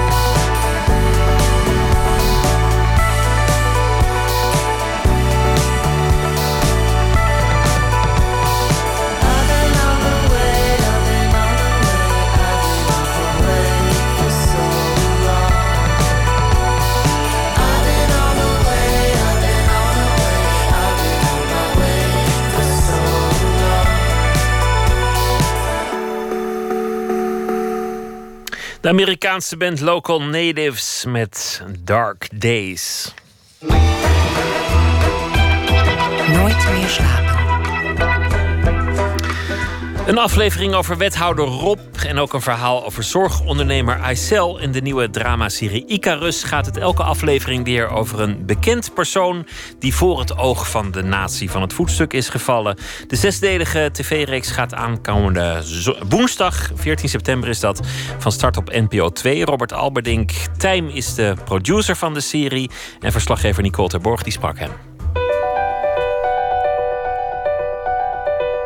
Toen hij dat vertelde, vond ik het uh, meteen een ontzettend spannend plan. En ik dacht ook meteen: niet doen, Robert, niet doen. En toch kan Robert de verleiding niet weerstaan wanneer regisseur en producent Pieter Kuipers hem vraagt om mee te werken aan een serie over mensen die we allemaal kennen. De Amsterdamse PvdA-wethouder Rob Oudkerk heeft zijn functie neergelegd. Oudkerk raakt in opspraak nadat bekend werd dat hij prostituees heeft bezocht. Onder meer op de tippelzone aan de Theemsweg. Goedemiddag. Ex-topvrouw Aysel Erboudak werd uh, terecht ontslagen bij het Amsterdamse Slotervaartziekenhuis. En ze moet ruim 1,7 miljoen euro terugbetalen. Dat heeft de rechtbank in Amsterdam bepaald. Ja, dat was natuurlijk heel slim van Pieter. Hij liet me meteen meedenken. Dus ik zei, ja, als je dat doet, dan zou je zoiets moeten doen of zoiets moeten doen. En zij zei, oh, goed idee, doe maar. Ik dacht dat ik onkwetsbaar was. Is naïef. Was ik, ben ik nu nog steeds. Natuurlijk heb ik ook heel veel spijt van het leed dat ik mijn liefst heb aangedaan. Dat weten ze.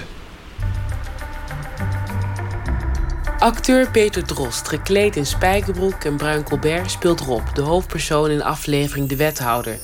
In deze scène kijkt hij net als bij een tv-interview naar de vragensteller naast de camera. De zesdelige serie is fictie, maar wel gefilmd alsof het een documentaire is. Een documentaire moet ook lijken alsof het echt is.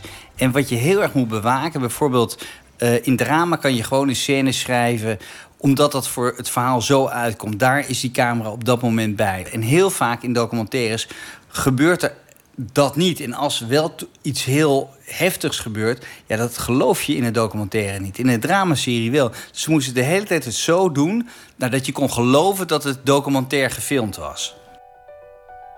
Rob, Diederik, Aysel, Dirk, Rita en Keith zijn de namen van de zes hoofdpersonen. Het is fictie, maar de naam maakt duidelijk om welke Nederlandse Icarus het gaat.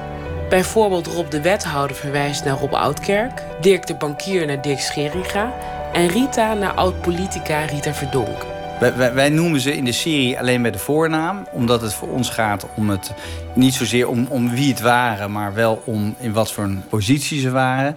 Ze zijn allemaal anders van toon. Het zijn eigenlijk zes stijlfiguren. Zes we hebben ook zes verschillende regisseurs gevraagd om het op zes verschillende manieren te doen. En uh, ik vind wel dat elke manier aansluit bij het personage wat ze vormgeven.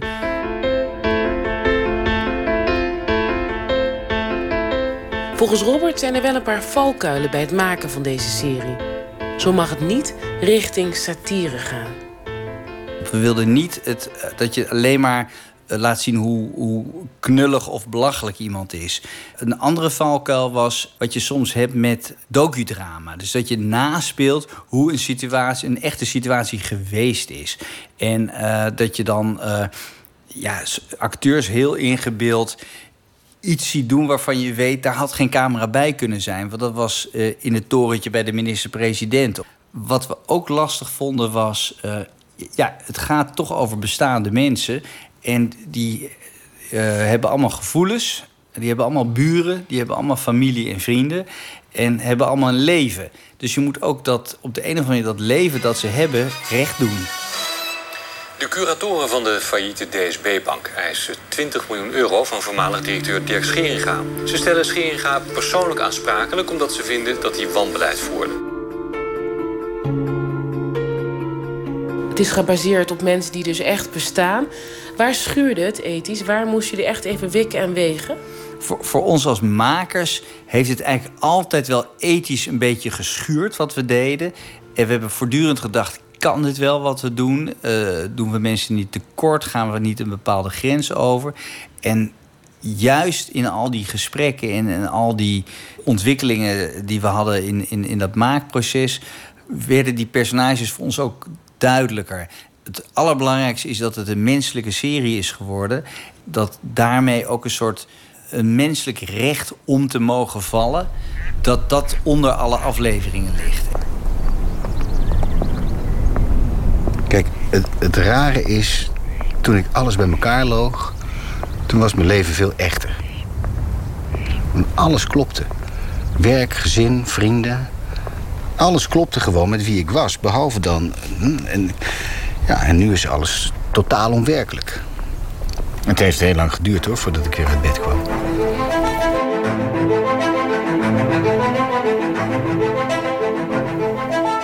De serie laat zien hoe het met de hoogvliegers gaat na de val. Welke karaktereigenschappen en talenten deze mensen zo succesvol maakt. En wat het uiteindelijk is dat ze opbreekt. Het zijn mensen die zich allemaal in, in situaties brengen waar anderen al in een veel eerder stadium zich zouden terugtrekken. En dit zijn mensen die op de een of andere manier zichzelf onderschatten. En soms is dat vanuit een eh, behoefte om iets te compenseren, zoals bij Rob, denk ik. Soms is het uit een vorm van trots en gelijkhebberigheid, zoals bij Rita. Als je geschoren wordt, dan moet je stilzitten. Dat zeggen ze. Heb ik gedaan. Vijf jaar lang. Soms is het uit een, gewoon een verslaving, zoals bij Keith, de verslavingsdeskundige. Eh, in de aflevering Diederik speelt geldingsdrang een enorme rol. Het interessante is dat die eigenschappen bij hun zo sterk zijn... dat ze hun ook op hele goede posities gebracht hebben... en tegelijkertijd ook hun eigen val hebben ingeluid.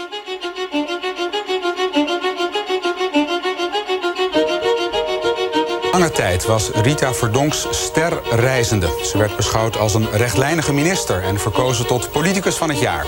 Het lijsttrekkerschap van de VVD lonkte. Maar dan krijgt Verdonk ruzie met Mark Rutte. En ze stapt uit de VVD. Heb je er ook in verdiept hoe Nederland omgaat met mensen die dus vallen? Dat is heel anders. Sterker nog, dat was ook de reden waarom we dit wilden maken. Dat was ook wat we fascinerend vonden aan de serie. Zegt misschien meer over Nederland dan over deze mensen. Wij zijn een maatschappij die heel slecht omgaat met uh, solisten. Wij zijn een collectief landje. We doen alles graag samen. We overleggen alles graag samen. We polderen, we overleggen. Steek je kop niet boven het maaiveld. Doe maar gewoon. En dan heb je een paar types die zeggen... nee, ik begin gewoon mijn eigen bank. Of uh, nee, dat ziekenhuis, uh, dat hoeft helemaal niet in collectieve handen. Dat ga ik privatiseren en ik word de directeur. En dat wordt in Nederland met argusogen bekeken. En als dan zo'n iemand valt, dan zijn we er als de kippen bij om, uh, ja, zo, zo, om ook met z'n allen te wijzen en zeggen van zie je wel, dat, dat zijn slechte mensen en dat kan niet. En uh, we wisten het altijd wel. Ze richt in 2007 haar eigen partij op. Trots op Nederland. Een groot succes is het niet geworden. Vandaag maakt Rita Verdonk bekend dat ze stopt met haar partij en uit de politiek stapt. Dus het zegt ook heel erg iets over Nederland. We laten onze personages daar ook heel veel over reflecteren. Over, niet, niet alleen over hun eigen handelen, maar ook over de, de context waarin het gebeurd is. Over de wetenschappelijke wereld en wat voor eisen die stellen aan, aan wetenschappers. Dus we proberen echt een genuanceerd beeld uh, te scheppen. Ja, want morgen begint de strafzaak tegen Kiet Bakker, de ex-junk die zich opwerkte tot afkikspecialist. Oudkerk raakte in opspraak nadat bekend werd dat hij prostituees heeft bezocht, onder meer op de tippelzone aan de Theemsweg. Ik heb de aflevering met Rob Oudkerk gezien. Ik heb trouwens Rob Oudkerk gisteren gebeld. Want ik dacht, ik, uh, het is zo lang geleden, de val van Rob Oudkerk. Ja. Misschien wil hij nu met me praten. Maar hij zei zelf dat hij dat toch niet wilde. Omdat hij met zijn omgeving de afspraak had gemaakt om het daar niet meer over te hebben. Nou, dat Verbaast dat jou? Nee, dat verbaast me helemaal niet. Dat snap ik ook heel goed. En daar heeft hij ook heel groot gelijk in. En eigenlijk is dat ook precies de reden waarom wij ook geen contact met hem hebben opgezocht. Omdat we ook dachten van, uh, voor hem is dit gewoon een afgesloten hoofdstuk. En uh, er is geen enkele reden om hem uh, nu te belasten met medewerking aan zo'n programma. En laat dat maar aan de makers over. In 2013 bleek Rob Oudkerk wel terug in het televisieprogramma De Wandeling. Kijk, of een persoon nou een oeklul vond, of een enorme lul, of een eikel. Of. Uiteindelijk gaat het in het leven om dat je je ontwikkelt. En ontwikkeling komt alleen maar door dingen waar je tegenaan loopt. Goede dingen, slechte dingen. Die moet je beleven met mensen van wie je houdt. En dan probeer je verder te komen. In een volgende fase te komen. Nou, dat is me inderdaad goed gelukt. Maar ik had liever gehad dat het op een andere manier... Uh, ik wens het niemand toe.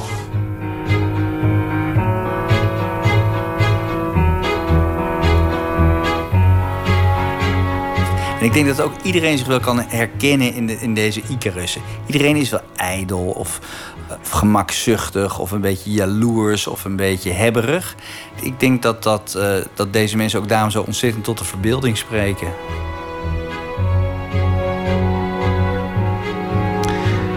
De serie Icarus vanaf 14 september, zes woensdagen te zien om half negen avonds op NPO 2. Te gast hier is eh, theatermaker en chansonnier Theo Nijland. We gaan praten aan de hand van de kaarten over werk en leven en de nieuwe voorstelling, de tournee die eraan komt, desalniettemin. We gaan eerst luisteren naar uh, een van zijn stukken. Jij wil het toch ook.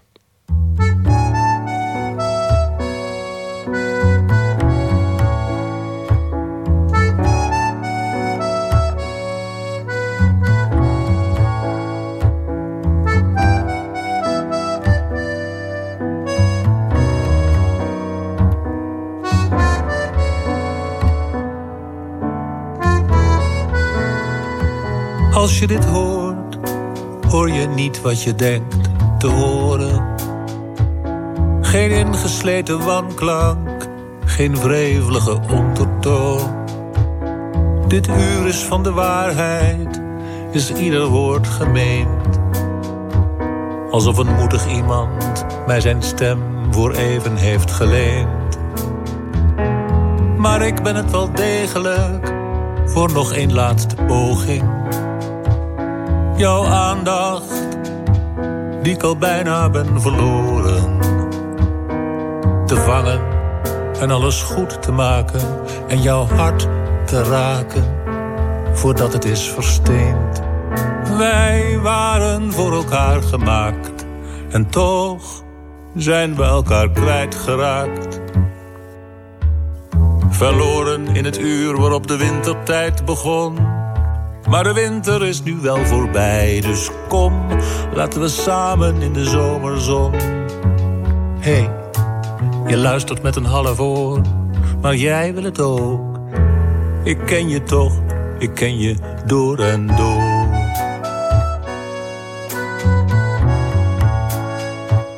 Als je me aankijkt, zie je niet degene die je denkt te zien. Geen dubbele agenda geen doffe onverschilligheid. Dit keer zijn mijn intenties wel gemeend. Alsof een moedig iemand mij zijn schoenen voor even heeft geleend. Maar ik ben het wel degelijk voor nog één laatste poging. Jouw liefde voor mij, die al bijna bent verloren. Terug te winnen en jouw hart te raken. Voordat het is bevroren. Wij waren voor elkaar gemaakt. En toch zijn we elkaar kwijtgeraakt. Misschien verloren in het uur waarop de zomertijd begon. Maar de zomer is al lang voorbij, dus kom, laten we samen in de bleke zon. In dit gestreken licht Hé, hey, je ziet het met een half oog. Ik lees het toch op je gezicht. Jij wil het ook.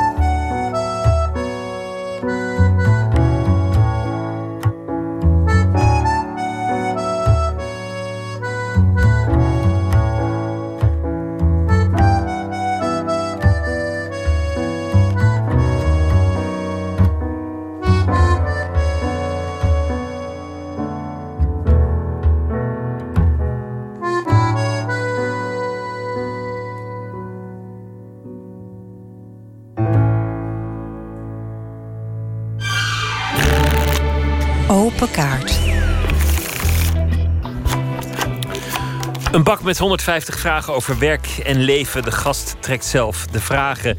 CD en bijbehorende tournee desalniettemin stonden al gepland voor afgelopen seizoen. Maar toen uh, kreeg uh, het noodlot greep op uh, theatermaker en componist Theo Nijland. Want de aorta scheurde.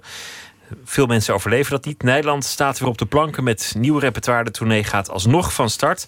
Eind jaren 80 werd hij bekend met het muzikale trio Shooting Party. Hij componeert muziek voor theater, film, televisie, commercials, radio. Schrijft liedteksten en columns. En hij maakte ook muziek voor anderen. Brigitte Kaandorp, Mathilde Santing en Paul de Leeuw. Theo Nijland, hartelijk welkom.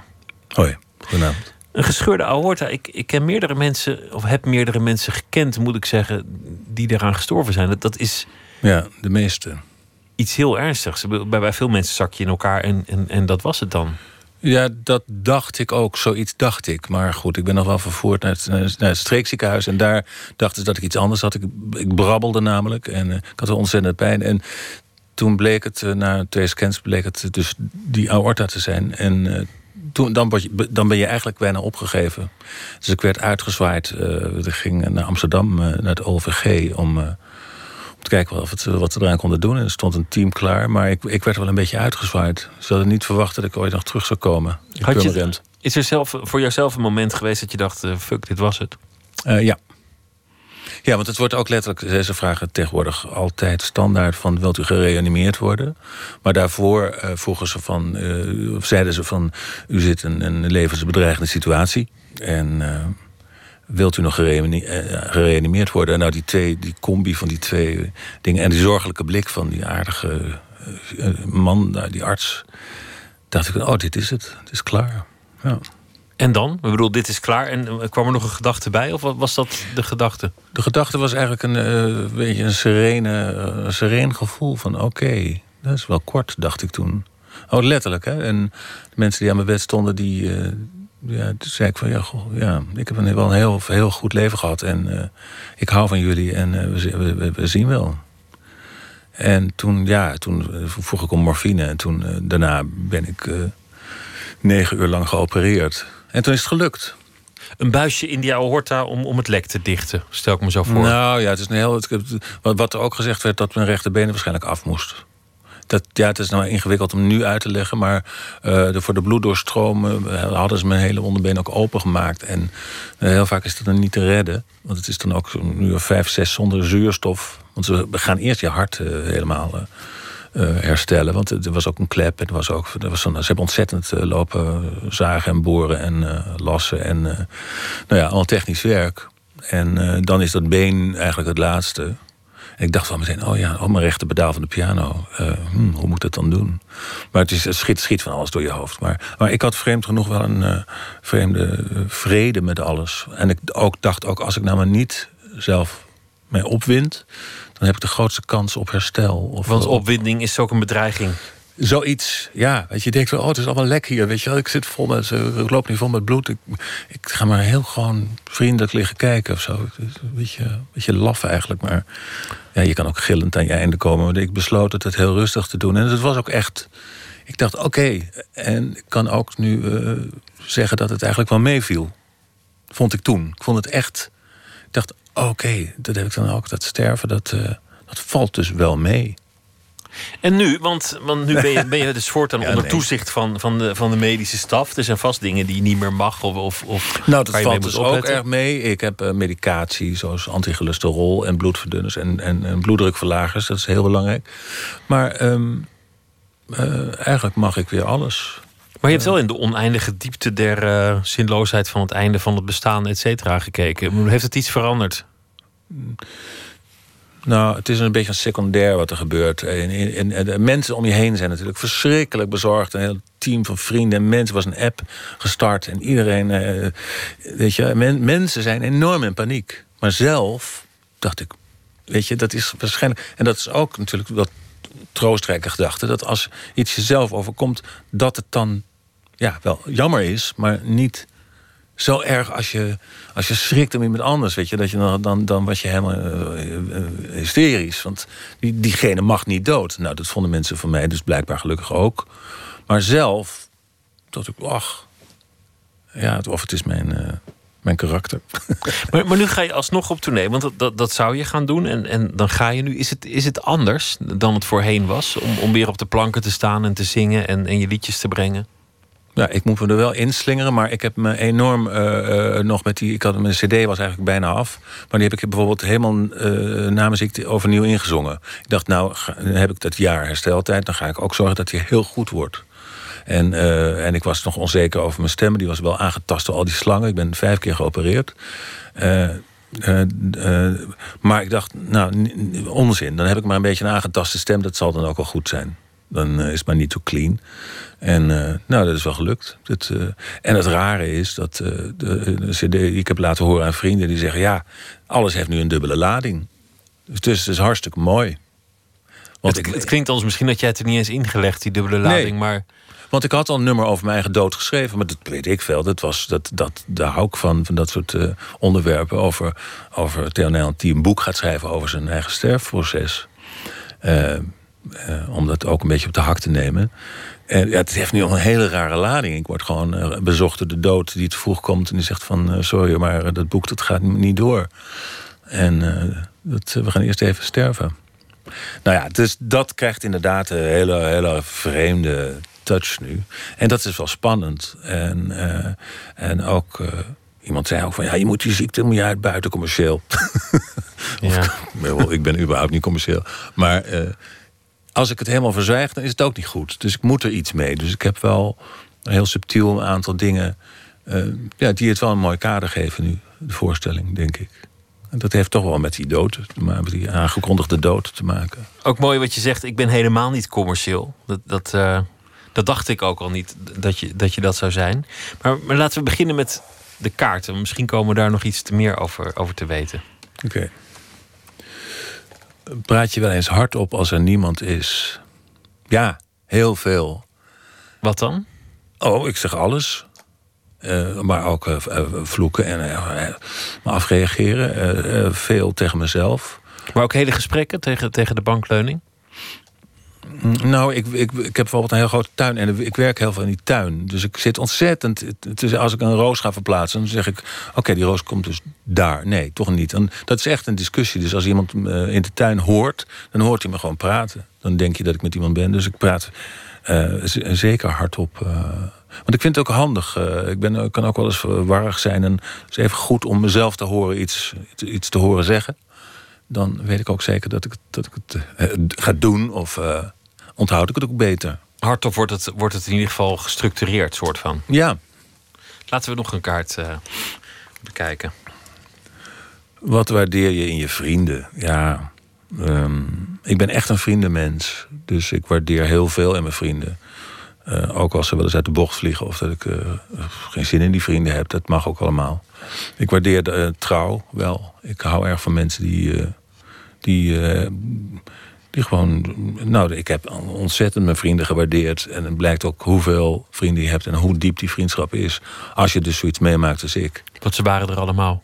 Ze waren er allemaal. Dat wist ik allemaal niet. Maar dat bleek later allemaal. Ook mensen die zeiden, ja, de hele nacht daar gezeten en daar gezeten. Die waren uh, enorm in de weer en met elkaar aan het communiceren. En het zijn natuurlijk ook wel zo. Er zitten ook veel artistiekelingen tussen. Die hebben allemaal grote ego's. Dus het, op, die, op die app dan knalde het ook wel eens heen en weer. Hoor. Die knalde vast, soms wel eens uit elkaar. Van, uh, uh, ja, iedereen moest er wat kwijt, weet je wel. Dus iedereen had er wat over te vertellen. Maar het was allemaal bijzonder goed bedoeld en liefdevol. En ik vind vrienden, uh, ja, nou ja, ik heb ook wel best aardige familie, maar ik, vrienden die heb, je, heb je zelf uitgekozen. En uh, dat is niet voor niks. En als je dat terugkrijgt, dat is, dat is prachtig. Laten we er nog een trekken. Heb je een fetish? Mm, niet echt. Niet echt? Nee. Ik, uh, ik vind, nou, het is moeilijk bekijkt. Ja, je kan, nee. Ik, ik vind het toch zo'n modewoord. Ik, fetish. Maar wat, wat komt het dichtste in de buurt waarvan je zou zeggen, nou, dat is misschien dan nog een beetje een fetish? Hmm. Ik geloof eigenlijk niet, niet. Nee, we komen niet verder. Ik heb het niet op, nee, ik kom nee ook niet op seksueel ja, gebied en zo. Dat dan lekker fetish doen. Nou, ik zal even. Uh, wat is belangrijker, inspiratie of transpiratie? Oh, ik denk uh, transpiratie. Toch wel? Ik ben bloed... een harde werker. Gewoon en, ploeteren? Ja, en ik vind inspiratie zo'n uh, overschat woord. Dat, uh, iedereen heeft het van, oh, dat zal, dan, zal, uh, dan, zal, dan zal je wel geïnspireerd zijn nu je bijna dood was. Dat is helemaal niet waar. Ik, ik heb gewoon een hele andere, andere ge, gedachtenstroom, gaat een hele andere kant op. Of, over allerlei dingen en niet. Natuurlijk, maar ik laat me niet inspireren door zoiets wat je, wat je heftig meemaakt. Voor jou is gewoon, gewoon werk. Het gaat niet om, om het briljant idee, maar om het goed uitwerken van het idee. nou, dat komt. ik heb wel graag een briljant idee, maar ik kan ontzettend genieten van mijn eigen ideeën. Soms denk ik van, dat is mijn hele dag goed. Weet je, dan heb ik één lullig idee en dan denk van, hier kan ik echt gewoon nog dagen mee verder. Maar dan is het dagen mee verder, is gewoon heel hard werken om dat idee echt boven water te krijgen en van alle, alle kanten te belichten. En ja, dus transpiratie geloof ik heel ja, hard werken. Ja. Ik zit nu ook de, uit de na te werken om al die akkoorden en teksten erin te krijgen. Om die straks uh, soepeltjes te laten. Weet je wel, alsof het. Uh, ja, het is ook gewoon werk. Het is gewoon werk. En, en, inspiratie vind ik zo romantisch, sentimentelerig. En ik ach, onzin. Ja. Van wie heb je het meest geleerd? Ah, dat weet ik niet. Ik ben eigenlijk verzet me eigenlijk altijd tegen dingen leren. Maar waar leer je zoiets als wat jij doet? Componeren, ja. liedjes maken. Wie, wie gaat het je ooit uitleggen? Nou, ik heb op, uh, op de theaterschool, op de Kleinkunstacademie, had ik, uh, had ik één uh, een pianist. Koen Ouwehand. En ja, gewoon door naast hem te zitten aan de piano en te kijken hoe hij al die Bach die, die Bach-variaties pakt met die kleine vingertjes van hem. En, en dan zei hij, ja, dan moet je het zo pakken. Niet? Dan, moet je, dan moet je even, en dan kan je schrijf je dat akkoord en doe je een andere grondtoon. En dan, weet je wat, dat, dat, dat als iemand er heel uh, gepassioneerd over kan praten en je ziet het hem doen, denk van, wauw, dit, dit is het. Daarom doe je het. Dus dat is een beetje uh, praktisch. Uh, ja, ik, bedoel, ik, ik, ik, heb ook geen helden of zo verder. Of, het is nou niet zo dat ik zeg van, ik kook graag, maar dat, dat is de, de beste kookboeken schrijven. Ik weet het niet. Maar iets bracht je naar die, naar die theaterschool. Dus er was ken ik toch wel een soort voorland van iets wat je had gezien of waar je naar reikte. Ja, ik weet niet. Ik was jong en ik was in en mijn uh, pianolerares die zei van ja, je, kan wel Chopin spelen, maar dat wordt uh, niet echt uh, je ding. Dat, en ik zong ook en ik improviseerde. En het waren, de jaren zeventig en ik deed hele rare dingen met gedichten van Jan Hanlo. En, en ik weet ik veel. Ik had rare schoenen aan en een gekke kapsel. En ik, ik moest iets. Moest iets. En, en meer dan bijvoorbeeld het conservatorium. Dat wilde ik natuurlijk eerst. Maar dat was helemaal niet geschikt voor mij. En toen wilde ik nog even beeldende kunst. maar Wow, ik kon aardig tekenen, maar ik vond het altijd een beetje stijfjes. En toen dacht ik, ja, nee, dat zingen. Dat... En toen ben ik met een liedje van Paul van Vliet, Meisjes van 13, aangenomen op de Kleinkunstacademie in Amsterdam. Ik hield helemaal niet van Paul van Vliet. Maar uh, ik vond het eigenlijk al heel truttig. Maar, uh, want ik wilde eigenlijk veel meer popmuziek. En, maar ja, je moest iets. Ik weet niet, dan kom je met zo'n liedje. En ze zeiden, ja, kom maar. Nou ja. Zo ging het verder. Zo gaat het. Trek nog een kaart. Uh, vind je dat je genoeg verdient? nou, ik moet wel uh, alles bij elkaar scharrelen. Uh, ik heb nu een tour en dat, en dat zijn uitkoopsommen en dat, is, nou, dat is aardig. Ik heb een scenario geschreven dat, en de film wordt gemaakt, wordt, gaat gedraaid worden in het voorjaar. En dan krijg ik nog eens een keer het bedrag van het Filmfonds dubbel uitbetaald. Maar dat kan ik ook heel goed gebruiken. En bovendien heb ik daar twee jaar aan gewerkt aan het scenario. En uh, daar word je ook niet rijk van. Maar het klinkt een beetje als schapen als je het zo zegt. Uh, van... Nou, dat is het wel eens een beetje. En, en, en uh, af en toe is een privéconcert of af en toe is een ding of een opdrachtlied. En ik moet nu voor de Koninklijke ne Nederlandse Academie voor Wetenschappen, bijvoorbeeld, ja, het is niet mis, een lied maken. Maar gewoon, nou, of, of voor een bruiloft. Dat is heel. het is, nee, ik ben nooit rijk, maar ik heb genoeg. Het, ik, ben, ik heb een heel, heel fijn huis en een heel fijn maar ik ben helemaal niet rijk. Nee, ik heb eigenlijk. Maar er zijn mensen in jouw vak stinkend rijk geworden. Ja, ik heb er een heel fijn lied over geschreven. Dat heet Miljonair. En uh, dat. Uh, daar leg ik het allemaal in uit. Dat is, uh, dat is zo, zoals. Ik ga het nu niet uitleggen, maar dat, ik ben er dus blijkbaar wel mee bezig. Als, als, als mensen met. als mensen met eigenlijk met weinig heel veel verdienen, denk ik altijd van. hè? Hoe kan het nou, ja? En ik kan toch ook wat. Maar, heb, je, heb je ooit ernaar gereikt? Want je zei eerder, ik ben niet commercieel. En dat vond ik wel interessant dat je dat zei. Nee. ik ben nogal stichtelijk ook. Hè. Dat, uh, ik, ik ben opgevoed met van het moet wel ergens over gaan. Wat je ook doet, jongen. Uh, nou, dat doe ik ook, blijkbaar. Dus het is mij belangrijker dat het ergens over gaat. En dat ik wel dat ik een fijn gevuld leven heb. En dat ik uh, vrienden heb. En dat, uh, dat ik goede relaties heb. En, uh, en, maar het gaat niet om dat geld. Want, en, en ik woon in een oude schuur. En iedereen die er binnenkomt roept O en A. Weet je, wat is het fantastisch hier.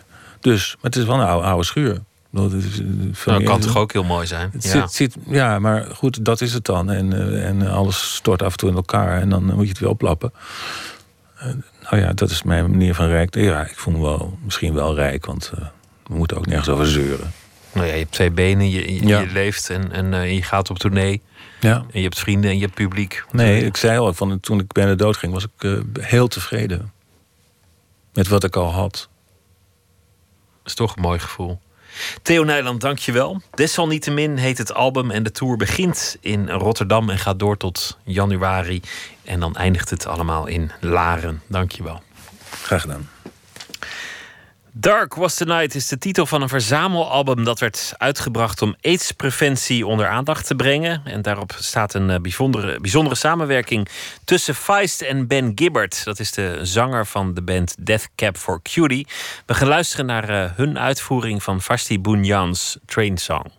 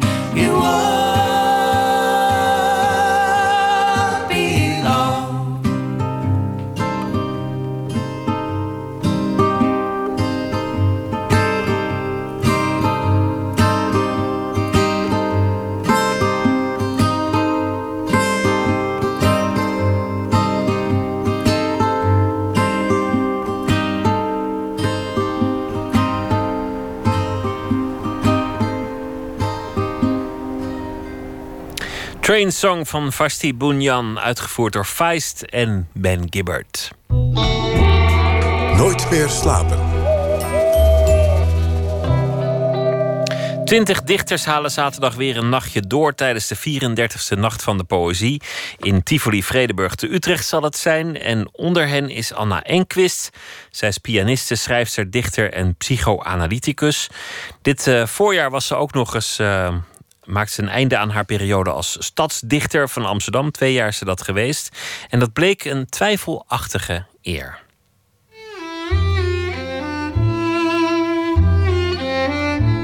Ja, het lastigste vond ik eigenlijk het allereerste gedicht. Want ik had dan ja gezegd op die opdracht. Terwijl ik eigenlijk vond dat ik helemaal niet geschikt was voor stadsdichter. Omdat ik zo de pest aan die stad heb en er niks aan vind en zo. Ik denk, nou ja, dat, is geen positieve uitstraling. Dus niet goed voor zo'n functie.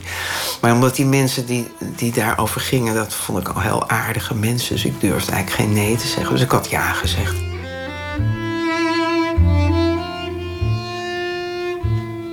En toen kreeg ik wel ineens een ingeving. Want in die periode had ik al mijn eerste kleinzoon. Die was toen ongeveer een jaar of zo. En uh, ik scharrelde met hem natuurlijk veel rond daar in de Watergraafsmeer. Maar ook wel op andere plekken in de stad. En dan merkte ik dat hij eigenlijk die stad zo geweldig vond.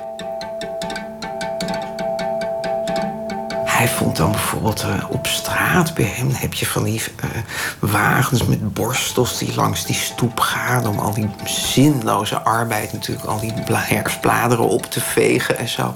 Nou, dat vond hij geweldig. En hij vond alle opbrekingen, dat je dan van je fiets af moest. En wat dan, die, hekken met die kleurtjes en zo, dat vond hij allemaal prachtig. En als we moesten wachten voor een brug, nou, dat, dat uh, vond hij ook geweldig, dat je dat zo omhoog zag gaan, die, die brug. En dan weer naar beneden, zo'n schip er doorheen. En, ja, alles waar ik me aan stond te ergeren, vond hij eigenlijk heel erg leuk. De stad herboren. Liggend ontwerpt hij het stadsdak. Brent het patroon van bladloze takken tegen felblauw in zijn brein. Dat bloemkooltje, leeg nog en klein. Waakzaam ontvangt hij licht en lawaai, zonder oordeel. Honden, motoren, een boor.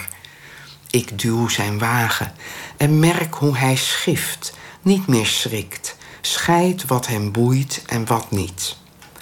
Hij verovert de woorden, hij groeit en zit voor op mijn fiets. Hij vult zijn stad in met herrie en troep, wil stil bij de vuilnis, de veegwagen, roept de lantaarns aan, verstomt bij de reizende brug, wacht verheugd.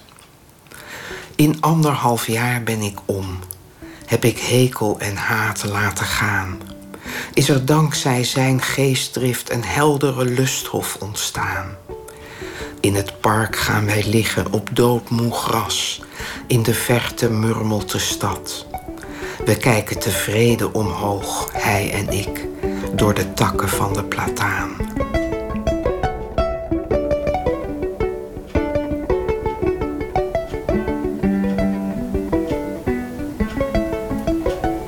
Kun je omschrijven wat Amsterdam voor jou is? Ja, het is in zekere zin toch wel het centrum van de wereld. Ja. En mijn grootouders woonden er. Daar heb ik ook nog hele uh, duidelijke herinneringen aan. Daar zo aan de Amstel. En uh, in de buurt van de Berlagebrug. Mijn ouders hebben er gewoond. Ik ben er geboren. Ik heb er zelf natuurlijk het grootste deel van mijn leven gewoond. Mijn kinderen hebben er gewoond.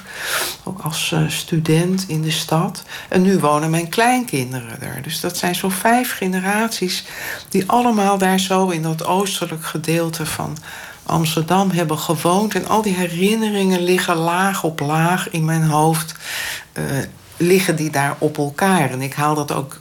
Ik haal dat ook door elkaar. Die buurten zijn natuurlijk veranderd. Er zijn dingen afgebroken, wegen verlegd. En, maar ja, dat registreer ik eigenlijk nauwelijks. Omdat ik dan toch weer zie hoe zag dat blokje huizen eruit toen ik vier was. En mijn grootvader een rood fietsje voor mij huurde. Dat ik daar blokjes om kon fietsen. In je eentje moet je je voorstellen als kind van vier. Dat zou ik nou nooit meer goed vinden. Maar dat was toen heel veilig en normaal. De gelaagde stad. Als slip dat op de bodem ligt en de rivier optilt. Ja, alles valt. Blaren en vruchtbeginsels dalen in een tempo dat het onze ver te buiten gaat. Wat wij wegsmijten en doorleven wordt een fris tapijt, waaronder in diep donker de geschiedenis. Toen ik een kleuter was en langs de Amstel liep, grootmoeders handen in de mof van Astrakhan. En toen mijn dochter slagen maakte in haar skif, hebben mijn ouders in dat laatste oorlogsjaar een eend gewurgd, hun drieste hoop vervuld. Laag boven laag en alles valt, vertrapt en ingeklonken, met geweld te sleuren naar een onwillig oppervlak. Nu zit ik op de drempel naar een tuin. Verleden likt mijn enkels, maar dicht naast mij gloeit de toekomst aan. Kleindochter, zonder taal nog, grinnikt boven vette knietjes. Alles valt, maar zij gaat staan.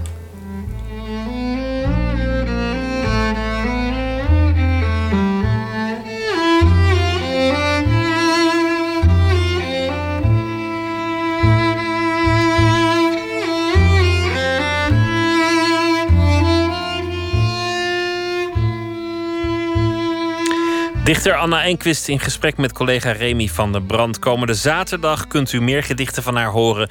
Want dan staat ze dus eh, op het podium tijdens de Nacht van de Poëzie in Utrecht en Tivoli in Vredeburg.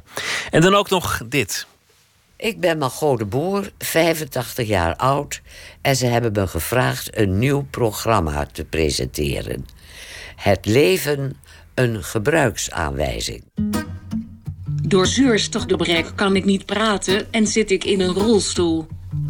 En spraakcomputer bedien ik met mijn ogen. 14 afleveringen met persoonlijke verhalen aan de hand van een prangende vraag. En als ik het u zou vragen, 5 plus 3? Zoals hoe te vergeten. 5 plus 3, dat is uh, 17. Hoe je niet schuldig te voelen. Bij mij uh, gingen er zo verschrikkelijk veel kreeften doorheen in, uh, in mijn restaurant. Een stuk of tien per dag, gewoon het kokend water in. Het is natuurlijk niet de allermooiste dood die je kan voorstellen. Hoe een bittere pil te slikken. Als ik zijn handen zag, dan zag ik zijn handen. Ik vond de nagellak heel mooi. Ik vond het heel mooi verzorgd. Maar het waren mijn mans handen. Of hoe je stem te vinden. De stem die ik nu heb klinkt als een koud iemand die weinig emotie heeft. Dit ben ik niet. Het leven een gebruiksaanwijzing. Vanaf 18 september iedere zondag om kwart voor tien in Radio Doc. Of abonneer je op de podcast van de makers van Toendra en Plots. Ik heb ook wel de behoefte gehad aan een gebruiksaanwijzing hoor.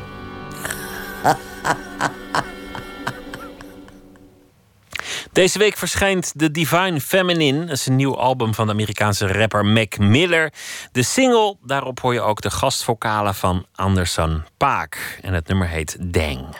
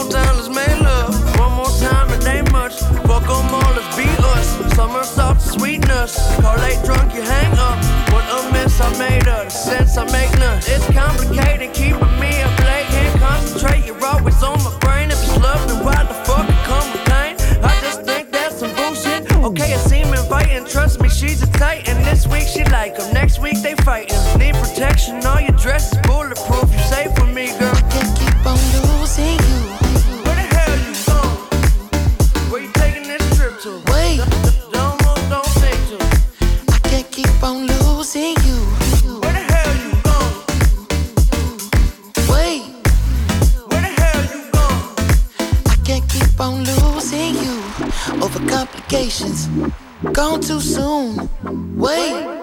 We was just hanging. I can't seem to hold on to. Dang.